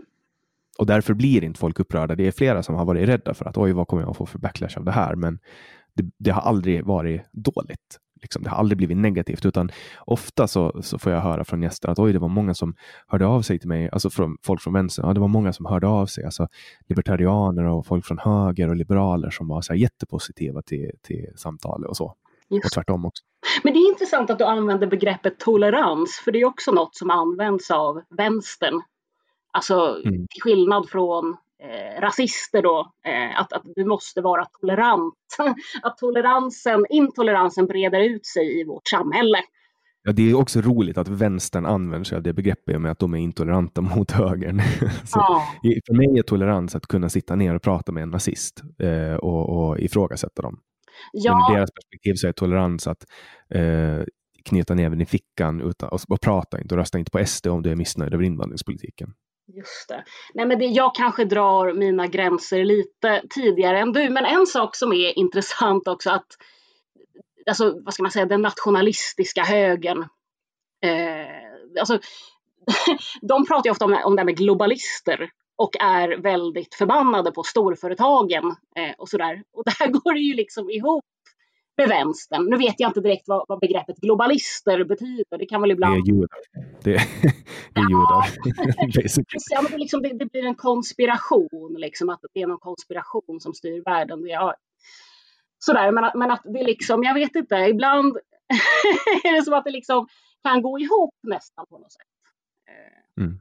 Mm. Ja, nej, men alltså för, när de pratar om så här, eh, det är min uppfattning i alla fall, när man pratar om globalister och globala intressen och så vidare så handlar det ofta om att man pratar om, om judar som äger företag som försöker ta över världen. Typ. Mm. Fast jag vet, alltså det är bara, det, det, nu kommer jag från en extrem och, och, tänker för att jag har bara hört extre, extrema människor prata om det. Okej. Okay. Ja, ja, ja, ja. ja. Nej, men precis för att jag, ibland, eller så här, att man nästan förklär ordet globalister, att det betyder judar precis, men att man väljer att säga globalister istället. Då, för att det ska... Mm. Men sen jag tänker till exempel, alltså, det är mycket också så här dubbel, alltså, alltså som till exempel det mest antisemitiska partiet i hela Sverige är utan tvekan Socialdemokraterna tillsammans med, de har ju SSU. Eh, och de, de tillåter antisemitism och de är liksom, har SSU som sjunger kampsånger om att krossa eh, judarnas land och sådana saker. Eh, och de, blinda, de är helt blundar inför att eh, judar flyr från Malmö på grund av antisemitismen. Eh, men ändå så är det de som pratar mest om förintelsen och pratar mest om att skapa museer och så vidare. Och de har antirasistpriser och hit och dit. Ja. Att det där är en form av överkompensation. Typ, du har liten kuk och därav kör du en Porsche. Nej, men jag tycker att du blandar ihop lite olika saker. Alltså att alltså ungdomsförbund, där det, nu kan inte jag detaljer om SSU, men det har väl varit tendenser som har dragit åt islamism, eller hur? Eh, ja, eller antisemitism i allmänhet. Ja. Alltså, sen har ju SSU och, och Socialdemokraterna eh, mycket nära historia med nazisterna. Alltså om man kollar tillbaks, det finns ju en tradition av det som lever vidare på många olika sätt. Ja, men, men, men, men för det första så att, att, liksom, att kritisera imperialism, att kritisera att eh, med stöd av USA att man liksom kör ut folk från Eh, stället där de bor. Det tycker jag är en sak, men att kritisera någon för att den tillhör en religion, en kultur eh, och att man hatar någon utifrån eh, sådana orsaker, det tycker jag är en sak. Men att på ett sakligt sätt eh, ställa sig mot imperialism eller att de som, äh, liksom, vad ska man säga, folkens frihet. Det tycker jag är två olika saker. faktiskt. Ja, alltså, eller, jag tänker ju mer så här, det är en sak och jag håller med där. Men, men att ställa sig på eh, samma sida som förtryckare som skjuter raketer på eh, Israel med målet att träffa så många barn som möjligt. Eller, eller, eller att finansiera eh, skicka förnödenheter och så vidare som sen tas av islamistiska eh, judehatande terrororganisationer och används för att skapa bomber för att spränga judiska barn. Det, har, det är också en form av antisemitism. Man är aktivt medlöpare till att, eh, att Palestina även gör fruktansvärda saker. Det händer fruktansvärda saker som kommer från Palestina gentemot Israel. Ja, men i så fall får man väl ha hårdare krav på biståndet. Men sen, alltså, nu kommer vi in och touchar lite på liksom, migrationen och det här att hjälpa på plats och så vidare. Att, att Hans Rosling eh, stod i Globen och sa att det är billigare att hjälpa på plats. Då applåderar alla. Eh, sen säger Jimmy Åkesson samma sak. Då blir det. Eh, då slutar folk tycka om Hans Rosling, men sen dog han och då blev han legend. Ja, men lite så, lite så. Och jag kan väl ändå tycka att Alltså om vi ska öka vårt bistånd, vilket jag kanske förespråkar, eh, då, då, kan man ju liksom främja demokratiska rörelser. Och man kan främja, man ska absolut inte främja islamism eller eh, odemokratiska rörelser, då har ju biståndet hamnat fel. Eh, så att är det så är det ju eh, ett misslyckande. Sen vet jag inte vad vår utrikesminister står. Ja, alltså vi har ju ett jättestort problem med islamistiska organisationer som suger i sig skattepengar redan inrikes, som man kanske bör börja med. Ja, du, du pratade om pressstöd förut. Alltså, vad säger man, organisationsstöd. Där har ja. vi en annan sån sak, att det, det, är kanske ganska låga krav för vilka organisationer som... Ja, och sen att folk blir extremt bra på att runda de här eh, kravlistorna. Alltså att man, man hittar loopholes och så vidare. Som, det finns ju någon eh, socialistisk tidning som, som eh, påstår att de har säljer så här 2000 lösnummer eller någonting. De säljer precis så många lösnummer de behöver göra för att få ut en jättestor klumpsumma varje år för att kunna fortsätta göra sin tidning och sådana saker. Ja men som sagt, alltså jag kan ju tycka att liksom främja organisationsfrihet och en fri press genom ekonomiskt stöd, det tycker jag absolut är någonting som, som staten ska eh, syssla med. Men då kan man ju också ställa krav på eh, vad ska man säga, att, att, att man inte... Alltså Sveriges unga muslimer, där drog staten in stödet för att man hade väl uttryckt stöd till Ja, det var, ju för att, det var ju för att någon lyckades visa att det var som en... Man hade ju misstänkt det hur länge som helst, men sen är ju inte staten super så här, ja men vi kollar upp det här nu. Alltså, de, de har ju bara fortsatt eh, ge ut pengar till studieförbundet Ibn Rushdi och alla de här olika eh, som, som, som man vet att har eh, kopplingar till våldsbejakande extremism och, och bedriver verksamhet i Sverige och så. Ja. så det, det, Det... Ja, men, då, men det, ska det bli mer krav och kontroll, då blir det ju en större statlig byråkrati också. Jag tycker man kan ta bort stöden. Varför inte låta en hobby vara en hobby? Alltså om jag tycker om att sticka och lagar en stickklubb där fem av mina kompisar kommer, då tycker jag att, att vi kan få finansiera, vi kan köpa vårt kaffe själva. Och vill vi hålla en föreläsning om um, den tidiga 1900-talets stickningsmönster, då tycker jag att vi kan betala det själva. Då tycker inte jag att staten ska komma in och betala det, för att det är inte det är, det är en hobby helt enkelt. Men det är ju alltid alltså, en prövning. Eh, jag, jag, nu, jag har väl hållit en del studiecirklar och sådär genom facket eh, för att ta ett exempel. Och då, ja, det är ju byråkrati, det är blanketter som ska fyllas i. Men, men vi behöver ju dem kanske för att hålla en kurs. Eh, men behöver man verkligen? Kan man inte laga en onlinekurs och sälja den för en, en 100 kronor på Swish? Absolut inte, för att våra fackliga medlemmar ska inte sitta på fritiden, utan det ska vi få betalt för. För att det är ju liksom det, jag, jag ser ju ändå ett värde, alltså medier, organisationer och framför allt fackföreningsrörelsen, att det är en del av samhället, alltså det är en integrerad del av samhället som vi främjar. Men ett värde är ju bara ett värde om det är någon som vill köpa det. Om staten måste betala det för att folk inte är beredda för att betala för det, då har det ju ingen värde, utan då är det ju bara en kostnad. Eh, ja, men, men, men å andra sidan, vi skapar ju värden hela tiden när, när, när vi eh, arbetar. Vi, vi, har kollektivavtal där vi kommer överens om vissa saker och lagstiftning för den delen. Alltså, vad vår tid är värd, vad den kunskapen är värd. Men det är fortfarande tid, man byter tid mot pengar och då är ju tiden är värd någonting.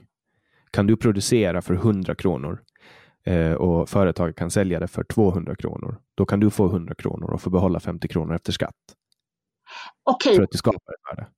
Precis, du pratar, nu pratar du alltså om när man arbetar, eh, så att säga.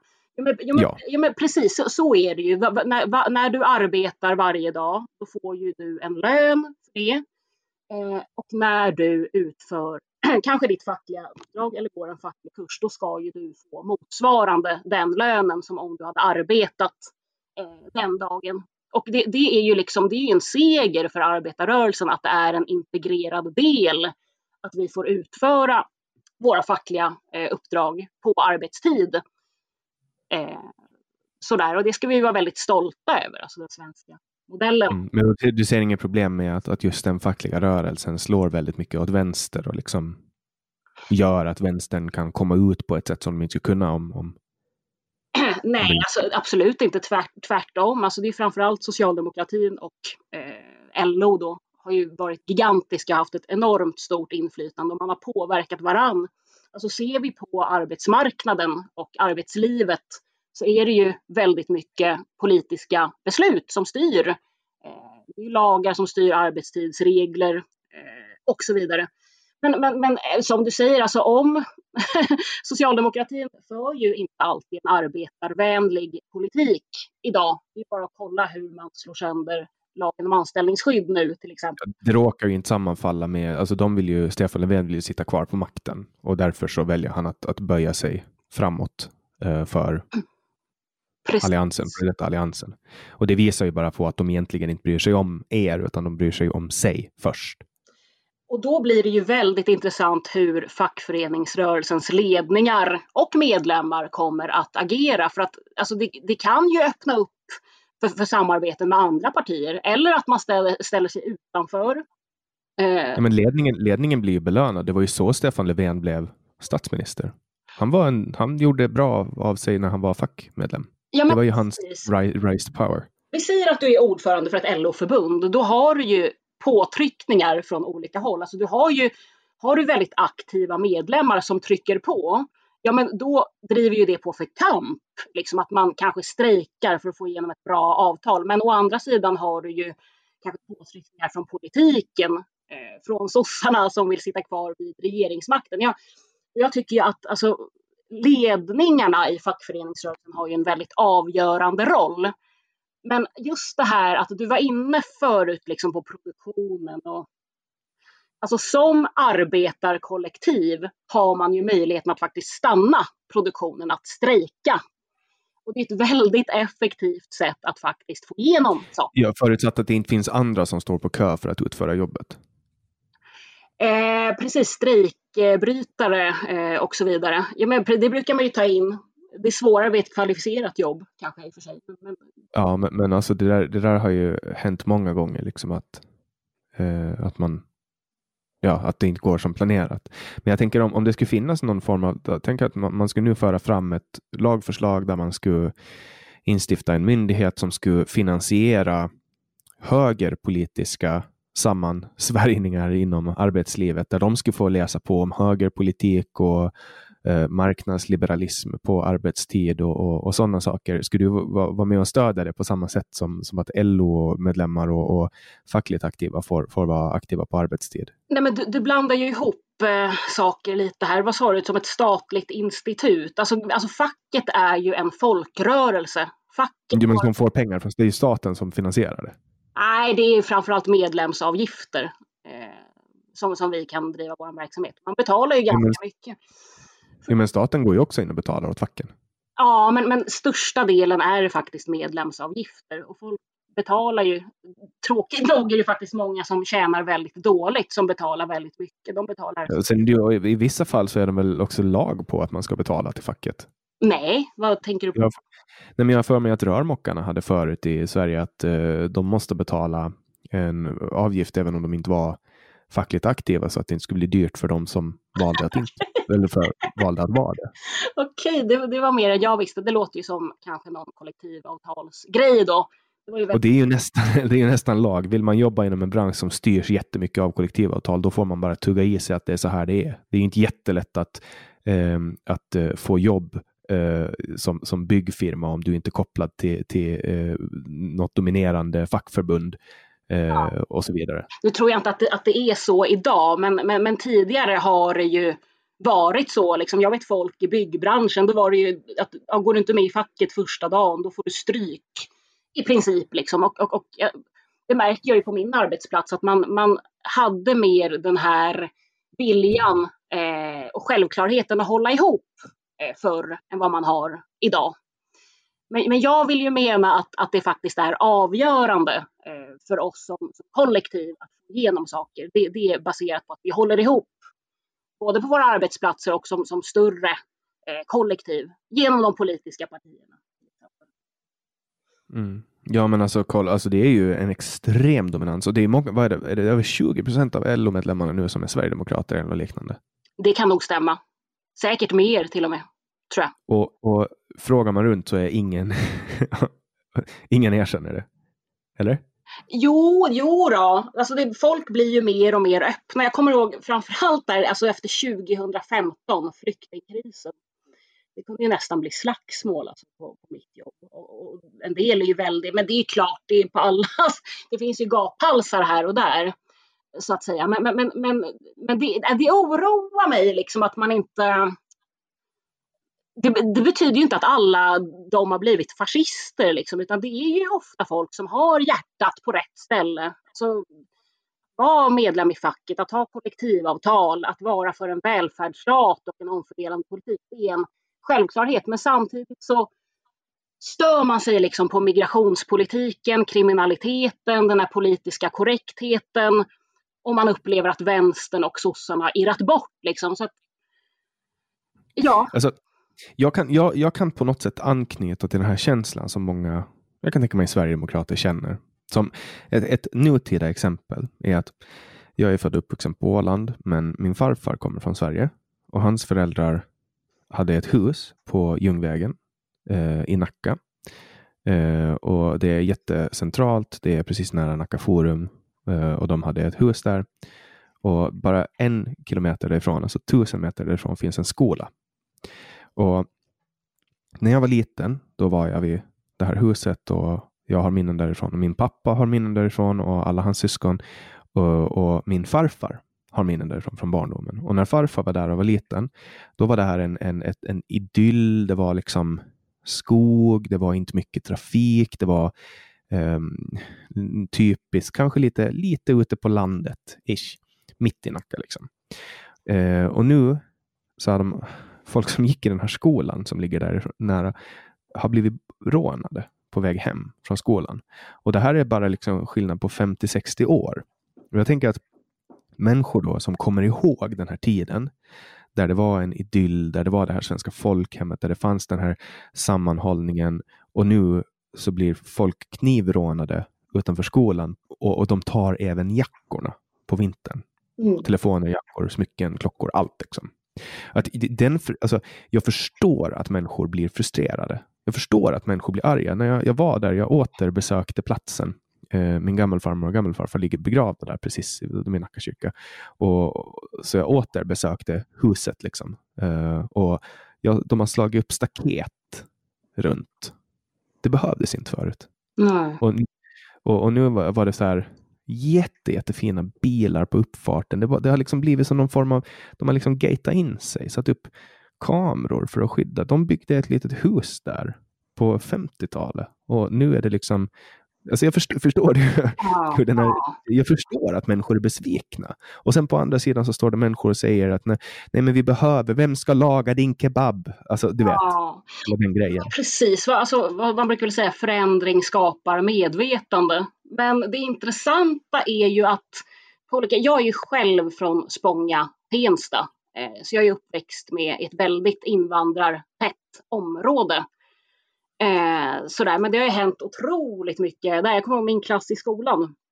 Där, där var ju folk från jättemånga olika länder. Alla var födda i Sverige, tror jag. Eh, och det, det, liksom, det var en rätt så bra fungerande integration. Idag, alltså i de områdena jag kommer ifrån, då, då är det ju eh, ja, men många stora folkgrupper från samma land, alltså till exempel Somalia eller Irak. Och, sådär. och, det är, och samtidigt har ju den här nyliberala politiken fortsatt att, att man satsar inte på sysselsättningen. Folk hamnar i ett väldigt djupt utanförskap, alltså man lär sig inte språket, man är jättelångt från, från arbetsmarknaden. Så att, liksom... Men å andra sidan så har vi ju mera människor som jobbar nu globalt än någonsin. Vi har mindre fattigdom än någonsin och det är tack vare marknadsekonomi. Jo, jo, tack men... vare nytänkande, tack vare innovationer och så vidare det, det, vet jag inte, men om vi går tillbaka till det att förändring skapar medvetande, att även om du kanske inte kommer från ett utsatt område själv, du kanske bara läser i tidningarna, så, så ser du ju eh, de här drastiska förändringarna som händer. Alltså den här kriminaliteten med gängskjutningar, det är ju någonting vi aldrig har sett och liknande av i Sverige. Och, eh, du kan... Det är för att man, aldrig, man har aldrig liksom tagit in så mycket människor som man har gjort nu från, från olika kulturer och som, som har liksom byggt upp det här. Det, det är ju första gången man gör det. Det är klart att man aldrig har sett det förut. Det har ju bara varit svenskar i Sverige förut. Ja, och integration tar ju tid och jag vill ju hävda att det här med sysselsättningen är en sån grundläggande nyckelfråga för en fungerande integration få, kommer du snabbt i arbete, då lär du dig också språket. Eh, istället så var, det var väl någon gäst som, eller om det var en annan podd som, som berättade att är du nyanländ i Sverige idag, då har du i snitt 67 kontakter med olika myndigheter första året. Att liksom, du kommer in i den här byråkratiska främmande svenska världen istället för att snabbt komma in i en sysselsättning då kommer vi tillbaka till det här, alltså mitt, min linje då när det gäller den ekonomiska politiken med lånefinansiering och så vidare. Att jag tror att man måste lyfta eh, frågan om full sysselsättning samtidigt som vi kanske, alltså det beror ju på hur ekonomin ser ut, hur Sveriges riksdag väljer att besluta, men att invandringen kanske måste eh, dras ner. Vi måste bestämma tillsammans vad har vi resurser till? Hur många kan vi ta emot? Mm. Ja, det är många som skulle påstå att du är sverigedemokrat nu för att du säger så. för några år sedan i alla fall. Jo, men precis, alltså, det man skulle kunna kalla någon sorts kvot. Jag tycker ja, det, finns ju, det finns ju idag kvotflyktingsystem och jag tycker det är jättebra att man har, tar in kvotflyktingar från, från eh, FN. Uh, där det, det, som jag kan ifrågasätta är rimligheten i att bryta mot Dublin, Dublinförordningen när man, när man ger hundratusentals uh, permanenta uppehållstillstånd per år. Just det, och det är ju anhöriginvandring och arbetskraftsinvandring framför allt. Ja, men inte arbetskraftsinvandring. De får inte permanent uppehållstillstånd Nej, på grund av asylskäl. Just det. Och det är möjligt att, att liksom, vi kan vara den humanitära stormakten som, som eh, vi vill vara och ta emot många. Men jag tror att det krävs att man faktiskt alltså, pratar mer klarspråk i riksdagen eh, och, och ser till liksom, vad har vi för resurser, hur många klarar vi, klarar vi av att ta emot och hur kan vi då ha en fungerande integration där folk kommer i sysselsättning.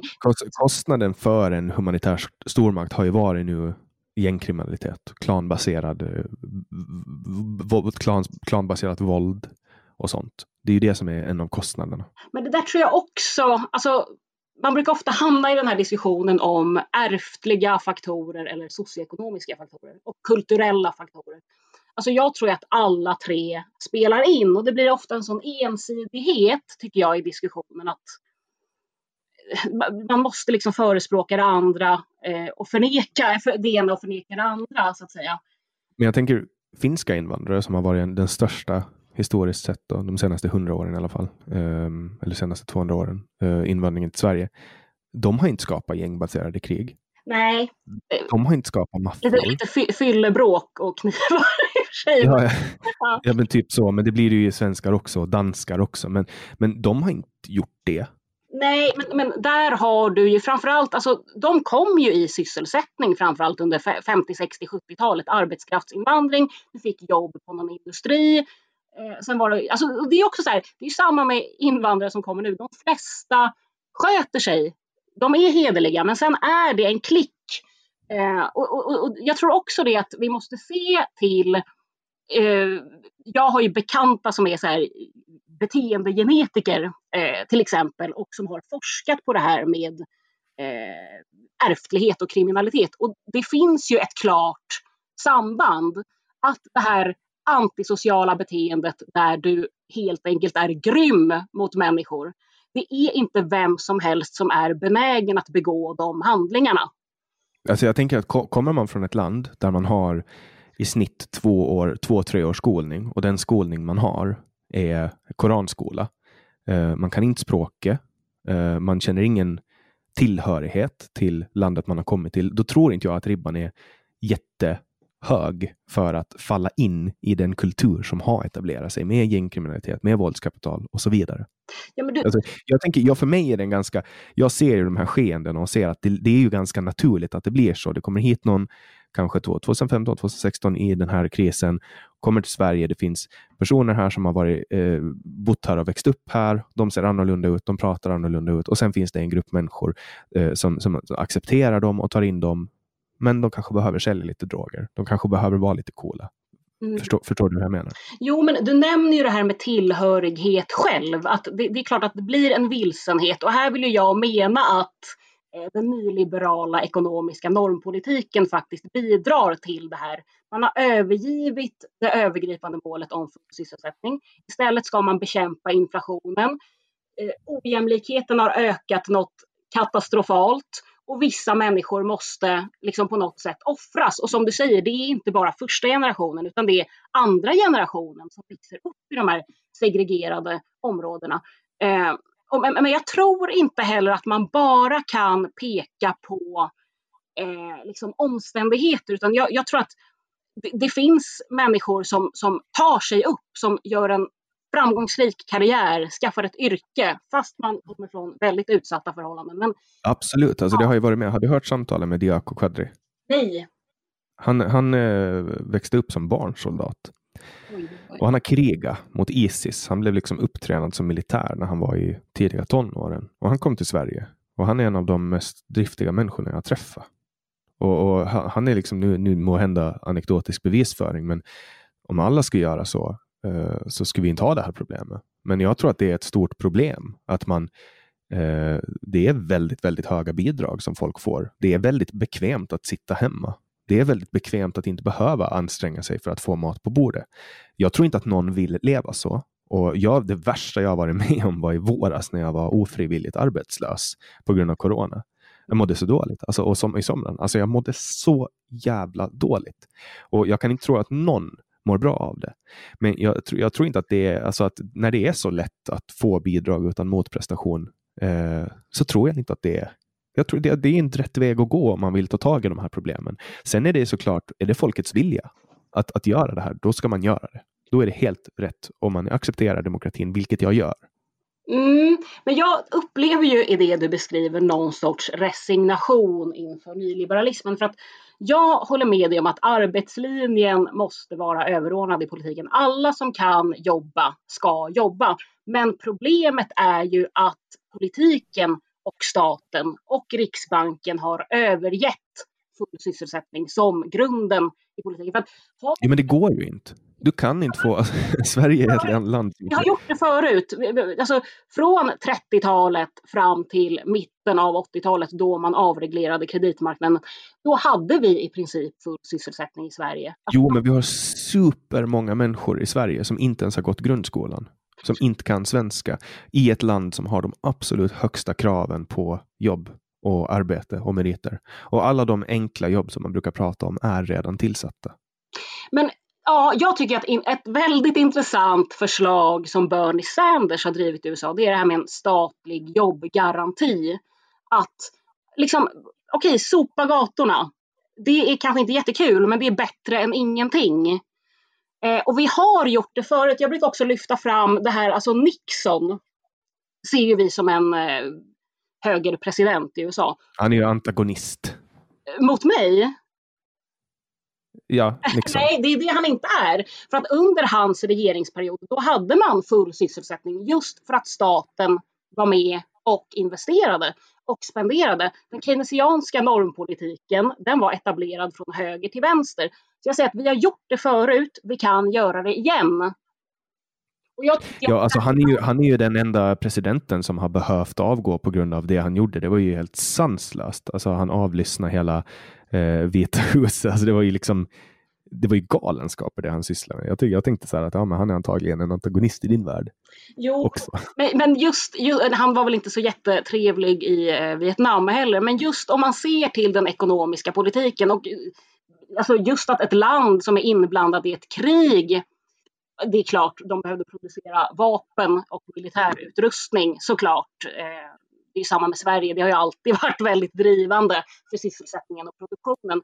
Men ändå, det, det är bara att kolla tillbaka så ser vi att det är möjligt att överordna en full sysselsättning i den ekonomiska politiken. Mm, men hur ska man göra det idag? Alltså, var, var, var, ska vi ta pengarna ifrån? Är det så att man ska ställa krav på alla de som lyfter bidrag idag? Att idag ska ni ut och jobba.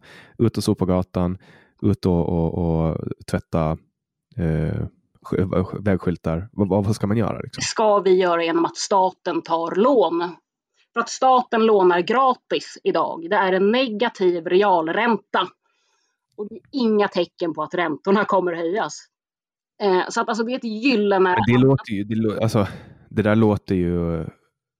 Allt som låter för bra för att vara sant. Det, det är ju klart att det ska betalas tillbaks någon gång. Det är våra barn som ska betala tillbaks det. Det är ungefär som att säga att vi kan spotta ut hur mycket koldioxid som helst idag för att Eh, vi märker inte av det nu, utan det är ju först våra barn som kommer att märka det. Nej, det, det, stämmer inte att jämföra med koldioxid. För att om du ser den offentliga skulden, alltså hur mycket staten har lånat som en del av BNP. Och så säger vi att staten, vi säger att man lånar till att bygga en snabbjärnväg för 500 miljarder säger vi. Då blir det ju att det ökar sysselsättningen. Fler börjar betala skatt och man ökar dessutom tillväxten, alltså både genom produktion och konsumtion. Och när tillväxten ökar, då minskar ju skulden som andel av BNP. Så jag menar inte att man ska låna till löpande utgifter, att man ska låna liksom till polisen eller till försvaret, utan just till de här investeringarna. Och då, och då, är det faktiskt gratis att låna idag. Så jag skulle se, just, alltså vi, kom, vi kommer tillbaka till det här, som missnöjda arbetare som röstar på Sverigedemokraterna, man riktar ilska på olika håll i samhället.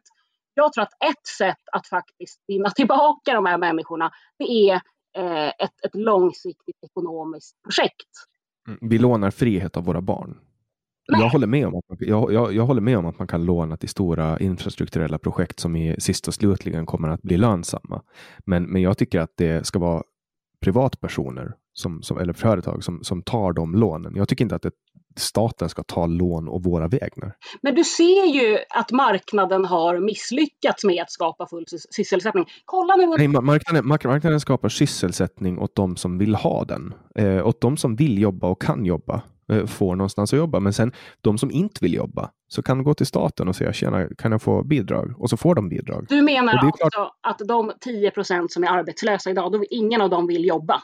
menar du? Nej, det säger jag inte, men jag säger att bidragen konkurrerar med lön. Alltså, tänk, om, om, tänk så här, säg att du ska ha fem barn och du är hemma och får 20 000 i månaden. Nu bara hypotetiskt, alla siffror är helt, helt hypotetiska. Du får 20 000 i månaden eh, och för att försörja hushållet i bidrag. Sen får du möjligheten att tjäna 25 000. Det är klart att du skulle vilja ha 25 000, men om det kom med brasklappen eller om man, brasklappen om att du behöver, nej det är fel ord, brasklapp, det är någonting helt annat. Om det kommer med eh, jag vet inte vad jag ska använda för ord, men om det kommer med kravet på att du måste jobba 40 timmar i veckan, då kanske det känns bättre att stanna hemma och få 20 000 istället för att jobba 40 timmar i veckan för 25 000. Jo, men alltså, jag förstår vad du menar och det har ju, alltså, jag tycker, alltså, med en hög sysselsättning där du i princip bara är utan jobb när du är mellan jobb, då är liksom höga ersättningsnivåer, höga a-kassor väldigt motiverade. För att det, det är ju bara en tillfällig åtgärd innan du börjar på nästa jobb. Men som du, som du säger, vi har kanske lite olika analyser om varför. Men jag menar ju att den nyliberala normpolitiken bidrar till ett permanent högt utanförskap. Där som du säger, eh, ja, det kostar väldigt mycket i bidrag. Men man måste också se att, att alltså det, vi har ju en stor låglönemarknad i Sverige idag som bara växer. Där man faktiskt utnyttjar många nyanlända till att, att ta jobb med eh, skitvillkor, osäkra anställningar. Och det är ju, jag menar jag som jobbar som lokförare till exempel, det är ju det är ett kvalificerat jobb. Det är trygga anställningar, vi tjänar bra. Men nu börjar det liksom leta sig in även på våran marknad att man vill få in sämre villkor. Att, alltså, dumpar du lönerna och för, försämrar villkoren för en grupp, då gör, då gör du ju det för alla. Eh, samtidigt som du har det här eh, höga utanförskapet och konkurrens eh, om jobben. Så att jag, jag förstår din, eh, din poäng. Men, men jag vill ju se just arbetslinjen. Alla som kan jobba ska jobba. Vi ska ha en politik som främjar, främjar det. Och genom en hög sysselsättning, då kan man ju också öka lönerna och faktiskt förinta mm. den låglönemarknad som idag härjar. Jag tycker att det, det är helt bra det du säger, alltså att de som är, får bidrag, alltså, eller som jag tolkar det i alla fall, så är det att de som får bidrag inte bara ska sitta hemma, utan de kan lika gärna gå ut och göra någonting, plocka upp skräp från gatorna, tvätta eh, vägskyltar och så vidare. Tol tolkar jag dig rätt? alltså, jag kan väl inte specificera just vad de arbetsuppgifterna skulle göra, men jag skulle vilja se eh, alltså en, en, progressiv politik för mig som jag tror skulle ingjuta väldigt mycket hopp i samhället. Det är att erbjuda en statlig jobbgaranti. Och då tog jag bara det som exempel. Det skulle kunna vara andra sysslor också. Jag, tror också att För jag tänker att det är det första man skulle kunna göra. Det finns ju massa saker som behöver göras eh, i, i samhället. Och det är att man ställer krav på de som får bidrag att eh, ni får bidragen, men då behöver ni göra någonting. Då behöver ni gå ut och göra det här så och så många timmar i veckan. Ja, det och det tycker jag är ganska rimligt, att man har krav. Att det ska inte vara superlätt. Sen är det ju klart om, om man inte kan för att man är sjukskriven och så vidare, då ska man inte behöva göra det. Men, men att, att man får någon form av aktivering i alla fall. Ingen mår ju bra av att bli en innesittare. Men då är det ju som du var inne på att det kanske är mer lukrativt att göra andra sysslor. Kanske kriminella saker. Eller jobba svart för den delen. Ehm. Det är ju redan lukrativt idag att vara kriminell. Alltså ska man till ja. exempel avkriminalisera eh, alla droger eller, eller till och med förstatliga dem så skulle, ju, så skulle man ju slå undan benen på en jättestor del av den svarta marknaden. Oj, det håller jag absolut inte med om. Eh... Det, skulle bli, det är ju de facto utfallet. Alltså, det är ju tack vare att eh, man kan hamna i fängelse för att sälja droger som droger är dyra. Det kostar inte mycket att producera droger. Nej. Cannabis är ju gratis att producera. Men, det bara ut från naturen. Men alltså missbruk är ju eh, någonting som, som kostar samhället massor med pengar. Eh, ja, att jaga missbrukare kostar jättemycket, så man ska också få bort den kostnaden. Jag, hörde, då ska man inte behöva jaga. jag hörde att en heroinist kostar i snitt 10 miljoner. Eh. Okej, okay. ja, jag, jag, vet inte om var, var, var de siffrorna kommer ifrån, men, men ja. jag tror att det finns, alltså det, man, man skulle kunna hjälpa dem på mycket mer effektiva sätt än att jaga dem, till exempel, eller använda jättemycket polisiära resurser på att spåra ner dem eller övervaka folks telefoner och så vidare. Alltså det är bara, det är bara, det är bara så, alltså till och med Folkhälsomyndigheten vill ju att man ska titta på avkriminalisering. Just för att det, det som, som man håller på nu slår så hårt mot eh, just missbrukare. Ja, det, alltså, det, nu, nu pratar jag om en grej som jag inte alls pratar om särskilt ofta, men, men jag eh, han Nils Bejerot är en gammal kriminolog som brukar få ganska mycket skit. Eh, men jag måste faktiskt gå ganska mycket mot strömmen här och säga att jag tycker att eh, det han har skrivit är väldigt eh, in, intressant. Liksom att mm. jag, ja, så om man gillar fiktion så är det Nej, det skulle jag inte säga heller. Men, men, men, men, men jag vill väl med. Jag, alltså, alltså, tidig alkoholdebut, att du börjar med cannabis ganska tidigt, det leder ju in på tyngre saker. Och det, jag menar, det här är ju grejer som bryter upp familjer. Eh, alltså leder till enorma sociala problem. Liksom. Beirut var ju också med och, och introducera teorin om att eh, det spred sig som en, en epidemi, droger till exempel. Ja, och, och, att man behövde slå... Det gör det. Eh, nej, alltså du, du, kan, du, blir inte smittad av att du umgås med någon som tar amfetamin. Då blir inte du amfetaminist automatiskt. Nej, men och, en social epidemi eller vad man ska säga. Mm. Och rent, alltså rent eh, fysiologiskt så, så är det ju sant att en tidig introduktion till vad som helst som stimulerar eh, belöningssystemet kommer att skapa en, en, större, men det handlar ju mer om, om de eh, ärftliga faktorer som du har med dig. Har du generna att bli missbrukare eller har du föräldrar som är missbrukare så har du, löper du större sannolik risk att bli det själv. Och, vilken 14-åring som helst som får en sil med heroin, eh, den trillar nog dit. Eh, jo, men, men alltså, sen finns det ju väldigt, väldigt många människor. Du har ju eh, över 85 eh, procent av alla människor eh, som skulle testa heroin en gång skulle inte göra det igen. Ja, det där har inte jag några siffror på. Ja, men de kan ju, de, alltså det är samma sak med, men du har cannabis har du ungefär 15 procent som, som fortsätter och, och inte kan kontrollera sitt bruk. Men det, ja, jag, jag, tycker att det kanske är eh, några procent för många just för hur många kostnader och hur mycket misär det faktiskt alltså, det, det kostar. Det, det, finns de som, som, som är stoners och, och som är jättesköna människor och de stannar där och det funkar bra. Men sen så finns det de som inte är det. Eh. Nej, men alltså det som kostar det är ju att, det är ju att eh, de här blir marginaliserade och, och, och omöjligt för dem att få hjälp och, och de kommer inte ut på arbetsmarknaden för att det är sånt stigma eller för att de har en prick i sitt register och så vidare. Man behandlar ju man behandlar ju narkomaner som, som boskap i Sverige. Ja, men det är väl ganska omöjligt att leva ett normalt liv, sköta ett jobb samtidigt som du har ett tungt missbruk. Men här vill jag... De flesta, de flesta gör det. Alltså de flesta som har ett tungt missbruk lever ett helt normalt liv. Det har jag svårt att tänka mig utifrån... Eh, du har ju, du har ju bruk, riskbruk och missbruk. Mm. Men jag levde, som, jag levde som missbrukare i flera år. Alltså högfunktionell. Jag var, kunde vara full varje dag.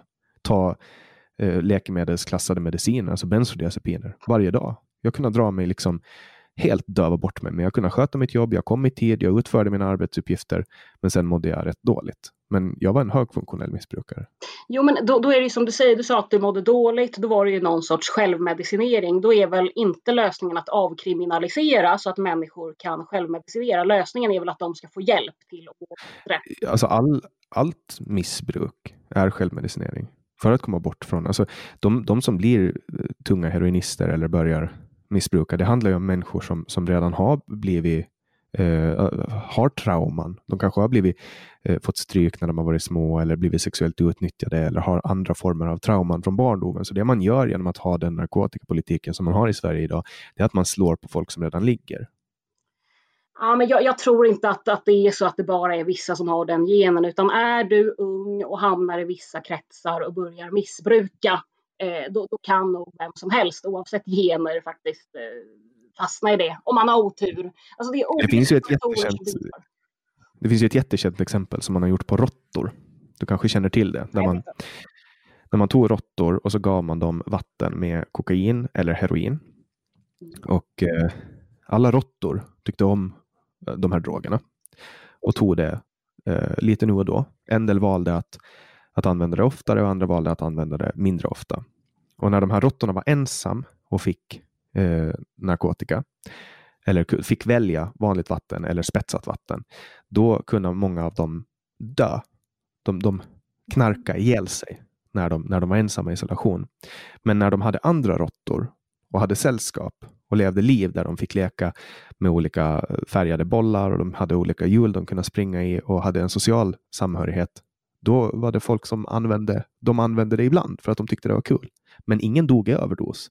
Och hela det här experimentet så återspelas i Sverige hela tiden. Därför att samhället fryser ut narkomaner, människor som har svårt med att reglera sitt bruk genom att stigmatisera och genom att inte hjälpa dem. Och så att hela det här råttexperimentet som man har vetat hur länge som helst eh, återspelas i Sverige hela tiden. Jag kan säga, om jag ska vara lite personlig, jag har haft många nära och kära i, i min närhet som har varit missbrukare, både av droger, droger och alkohol. Och, och som du säger, det är ju folk så, som inte mår bra. Eh, men jag ser det som en alldeles för stor risk att släppa de här substanserna fria. Jag ser till och med faktiskt problem med hur, hur vi använder alkohol eh, idag. Jag tror kanske inte någon ny bok skulle eh, vara var lösningen. Eh, men, men ehm, jag, jag, tror att man måste gå till kärnan, att se vad kan de här människorna fylla sitt liv med för att må bättre. Jag skulle gärna se hårdare. Men om det skulle komma, om det skulle komma forskning som sa att det bästa vi kan göra det är att släppa narkotikan fri. Och, det är bäst för flest människor. Skulle du då ändra dig? Nej, men det som vi pratade om media innan, forskning är aldrig neutral. Forskning är alltid ett beställningsarbete. Det finns ja, men man vet ju till exempel, det finns forskning som säger att det är mycket bättre för barn att föräldrarna håller ihop än att de skiljer sig. Då, då, kan man ju välja så här, vill jag stanna kvar med mannen eller kvinnan för barnens skull eller vill jag leva ett lyckligt liv? Alltså förstår du? Det, det, och det vet man på studier. Man vet att det, det är bevisat så. Mm. Och, och, Jag tänker att om det kommer bevisbörda eller jättestarka bevis som visar att, att samhället, människor, utlagda människor i samhället skulle bli mycket bättre och det skulle vara bättre för alla på grund av att vi skulle spara mera pengar och vi skulle spara mänskligt lidande om vi släppte det fritt. Skulle du då kunna tänka dig att ändra på din åsikt? Nej, men alltså det, det är ju så många faktorer som spelar in. När det gäller stigmatisering så, så kan ju det bero på, ja men det kan ju bero på att folk är kriminella, man lever på gatan, man ser ut på ett visst sätt. Då, då kan ju folk som kanske lever ett mer städat och skötsamt liv känna ett främlingskap eh, till de här människorna. Men å andra sidan, man kan ju få hjälp metadonprogram.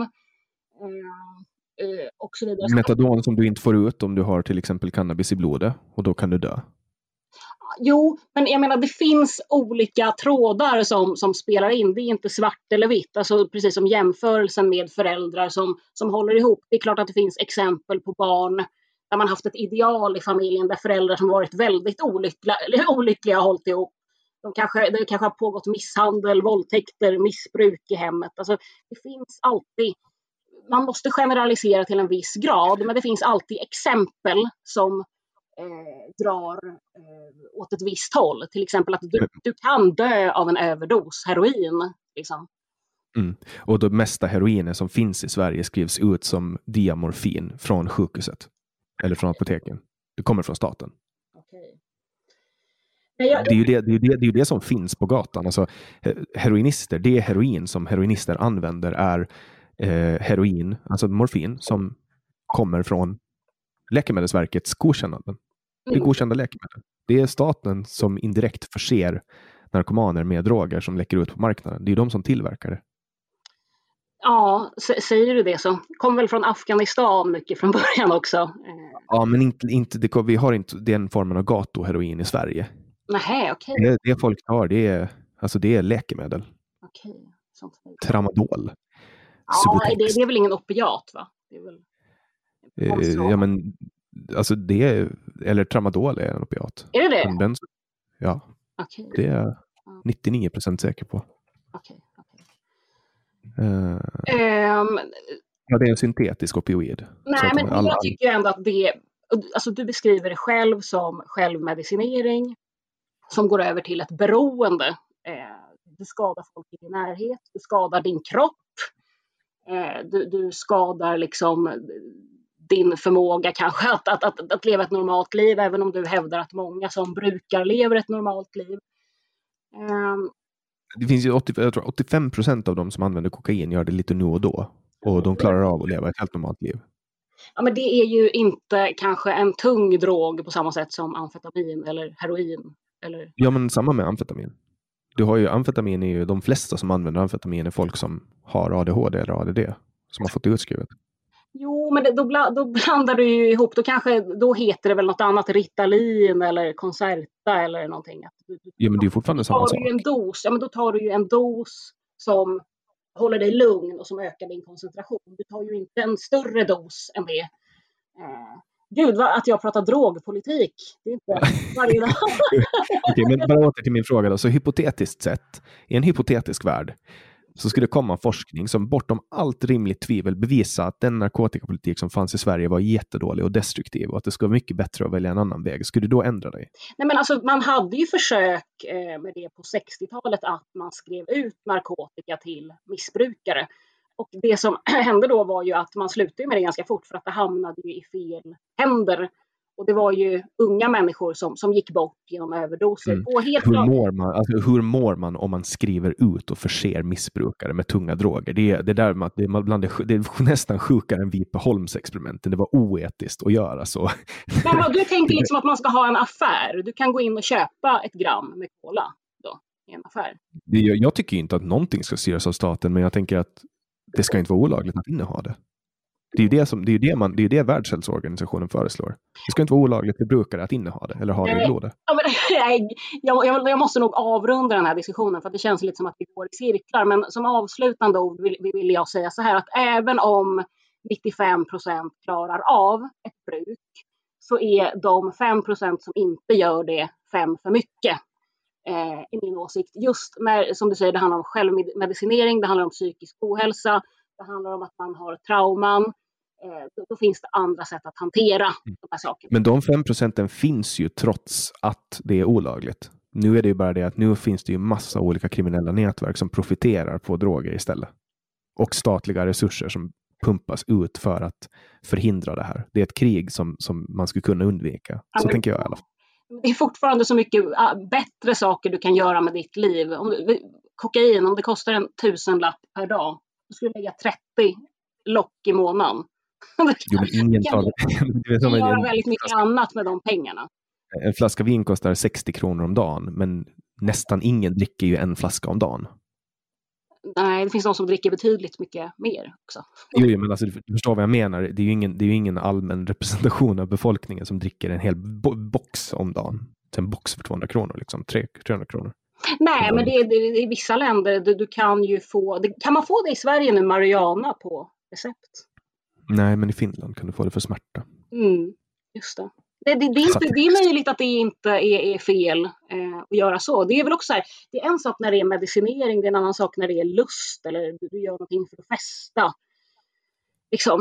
Eh, vad ja, Hallucinogena eh, droger är intressant att använda liksom eh, vid, vid, vid, psykiska eh, sjukdomar. Jag, jag är inte så insatt Mm. Det som funkar är ju bra, men missbruk är ju aldrig eh, positivt. I alla fall. Nej, och, det, och det, det, det som är grejen att jag tror ju att det inte blir bättre att man förbjuder missbruket. Att vi vet att missbruket finns och det finns fast droger är olagliga. Och, och att ta, göra missbrukare till lagliga medborgare som har rättigheter som alla andra, det tycker jag bara är, är humanistiskt. Men om vi, säger, om vi säger så här, alla de som säljer droger i förorten, eh, som leder fram till de här brutala morden.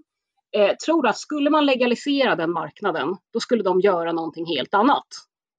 Ja, du skulle slå undan benen på dem. Vad skulle hända om man skulle förbjuda tåg i Sverige? Då skulle alla lokförare i hela Sverige bli arbetslösa. Och vad skulle de göra då? Ja, nu är det inte så många som missbrukar tåg. Nej, nej men du förstår vad jag menar. Men då, det som skulle hända var att då blev de tvungna att hitta ett nytt jobb. Precis på samma sätt som de här.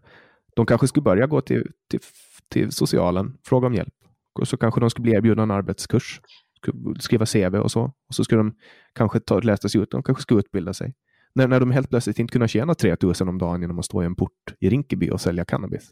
Men kan inte du se att det finns människor som har ett antisocialt beteende? Och så, jag vet inte om det beror på gener, kultur, socioekonomiska faktorer, men det finns ändå människor som man, man har, du vet att man kanske ska man säga, man, man söker kickar, man söker spänning och så vidare. Alltså, det kanske är den typen av människor som kanske drar sig mer åt kriminalitet.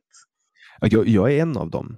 Uh, jag, jag har inte dragit mig till kriminalitet, men jag har sökt kickar. Jag har gjort mycket saker som, som är farliga och destruktiva för mig själv. Jag var inne på psyke ett helt år efter ett självmordsförsök och um, sådana saker. Liksom. Så att jag har en jättedestruktiv relation till alkohol och läkemedels Eh, klassade mediciner. Och det, har gjort att jag har fått en helt annan syn, därför att jag vet att, att det inte är mitt fel att jag är som jag är, utan jag är som jag är och jag får tugga i mig att jag är som jag är. Men det finns inget förbud som någonsin skulle förhindra mig från att göra någonting om jag vill göra det. Jag har fått hitta min eh, anknytning till samhället på mitt eget sätt. Det var inte staten som hjälpte mig att göra det. Staten räddade mitt liv genom att, genom att begränsa min frihet så att jag inte fysiskt kunde fortsätta ta livet av mig. Eh, men sen är det människor som helt frivilligt har hjälpt mig genom tolvstegsprogram Um, så att, så att jag har inte fått hjälp av staten för att komma tillbaka, utan jag hittar motivationen själv när jag nådde min botten. Men jag kan säga att de lagarna som, som fanns och sättet som man ser på folk med missbruksproblem har absolut inte hjälpt mig, utan det har bara gjort det värre för mig. Och jag har jättemånga kompisar som har dött på grund av de här lagarna som finns. Alltså de, är, de, är, de är inte alls snälla, de är inte schyssta. Och Beirut, man kan tycka vad man vill om, om, om, om vissa av Bejerots idéer, men han är en av de människorna som har förstört mest i, i svensk socialpolitik. Och Magnus Linton, han är ju före detta syndikalist, alltså vänster, han är riktigt vänster. Han har skrivit en bok om det här som heter Knark, en svensk historia. Han har varit med i podden för övrigt, ett jätteintressant samtal. Där, där pratar vi just om det här med narkotikapolitiken. Och jag tror att fler och fler kommer att få upp ögonen för det här, att vi står mitt inne i ett paradigmskifte. Men, men på samma sätt som att när man, när man var på väg att eh, förbjuda barnaga, då fanns det en jättestor grupp människor som sa att nej, vi har alltid uppfostrat barn så här. Vi ska fortsätta så här. Vi tror att det är moraliskt rätt. Förstår du vad jag menar? Ja, eh, jag, håller inte Jag, jag vill hellre bara poängtera att jag inte är något, ett Beirut-fan liksom, och vill stämplas på det. Men jag tycker att det han har skrivit är intressant och jag tror att man kanske kan ta, ta upp det som, som en del av debatten lite mer i, idag. Men jag tänker också så här, en nyckel för dig är ju att du ville ju ta emot hjälp själv. Alltså det finns människor som vill man inte bli hjälpt, då blir man ju inte heller hjälpt. Eh, och sen en annan, en annan grej, alltså att, att, att, att folk som dras till kriminalitet. Eh, visst, du kan söka kickar och spänning. Eh, du kan vara driven av hat. Men framför allt alltså det man brukar kalla psykopater, alltså människor som, som inte har någon empati.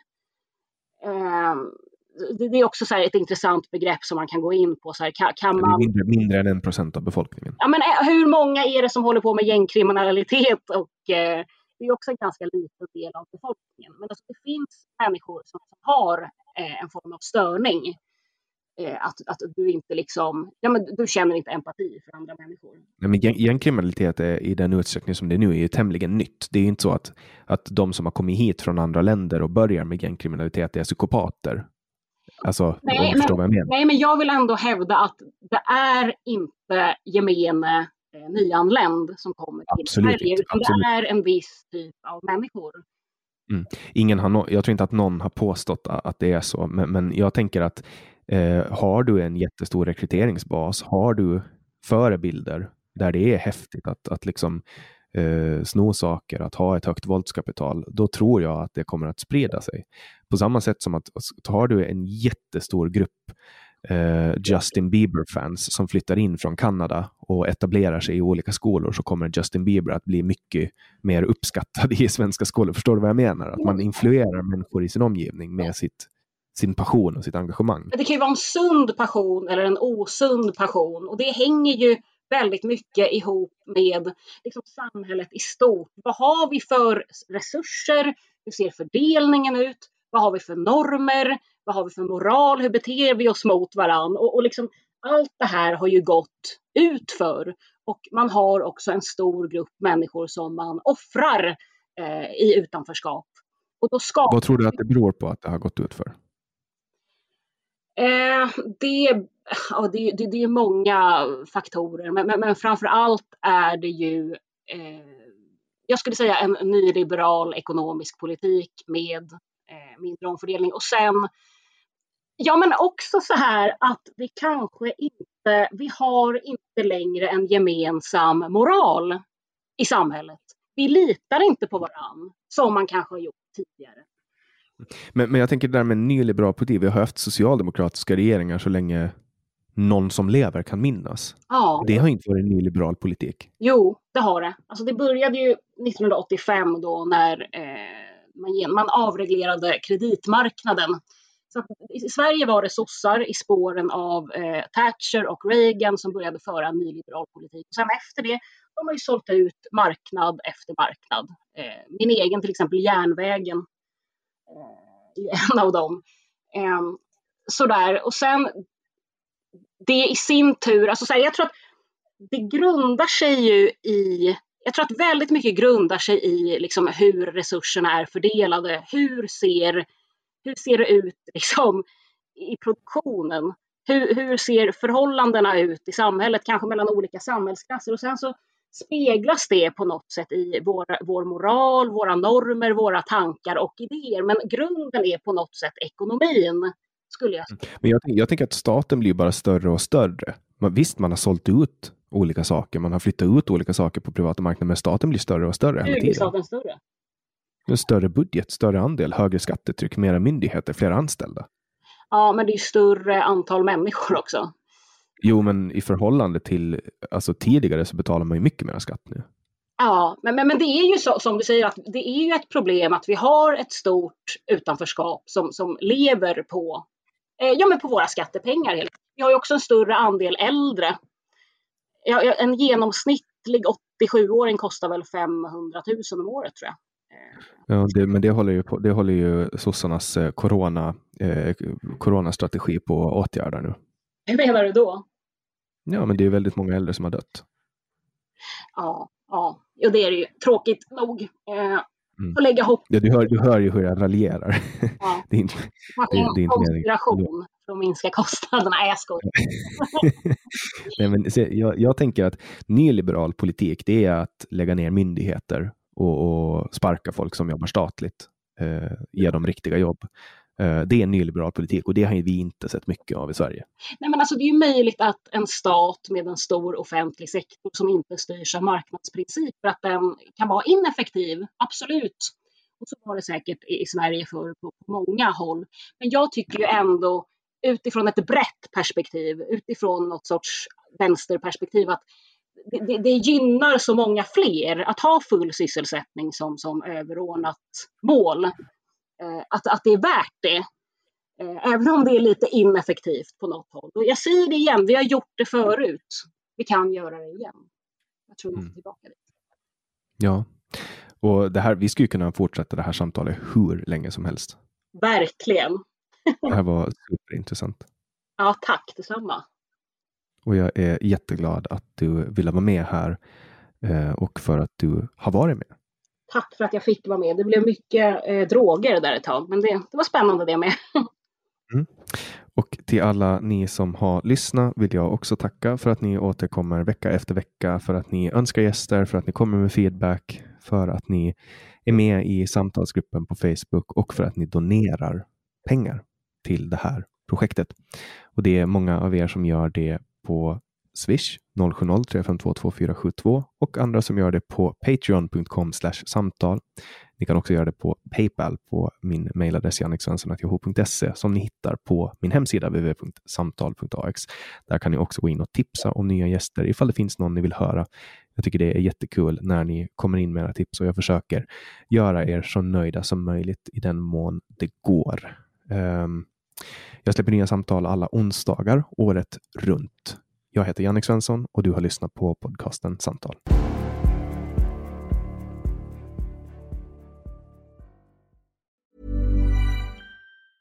Even when we're on a budget we still deserve nice things. Quince is a place to scoop up stunning high-end goods for 50 to 80% less than similar brands. They have buttery soft cashmere sweaters starting at $50, luxurious Italian leather bags and so much more. Plus, Quince only works with factories that use safe, ethical, and responsible manufacturing. Get the high-end goods you'll love without the high price tag with Quince. Go to quince.com/style for free shipping and 365-day returns.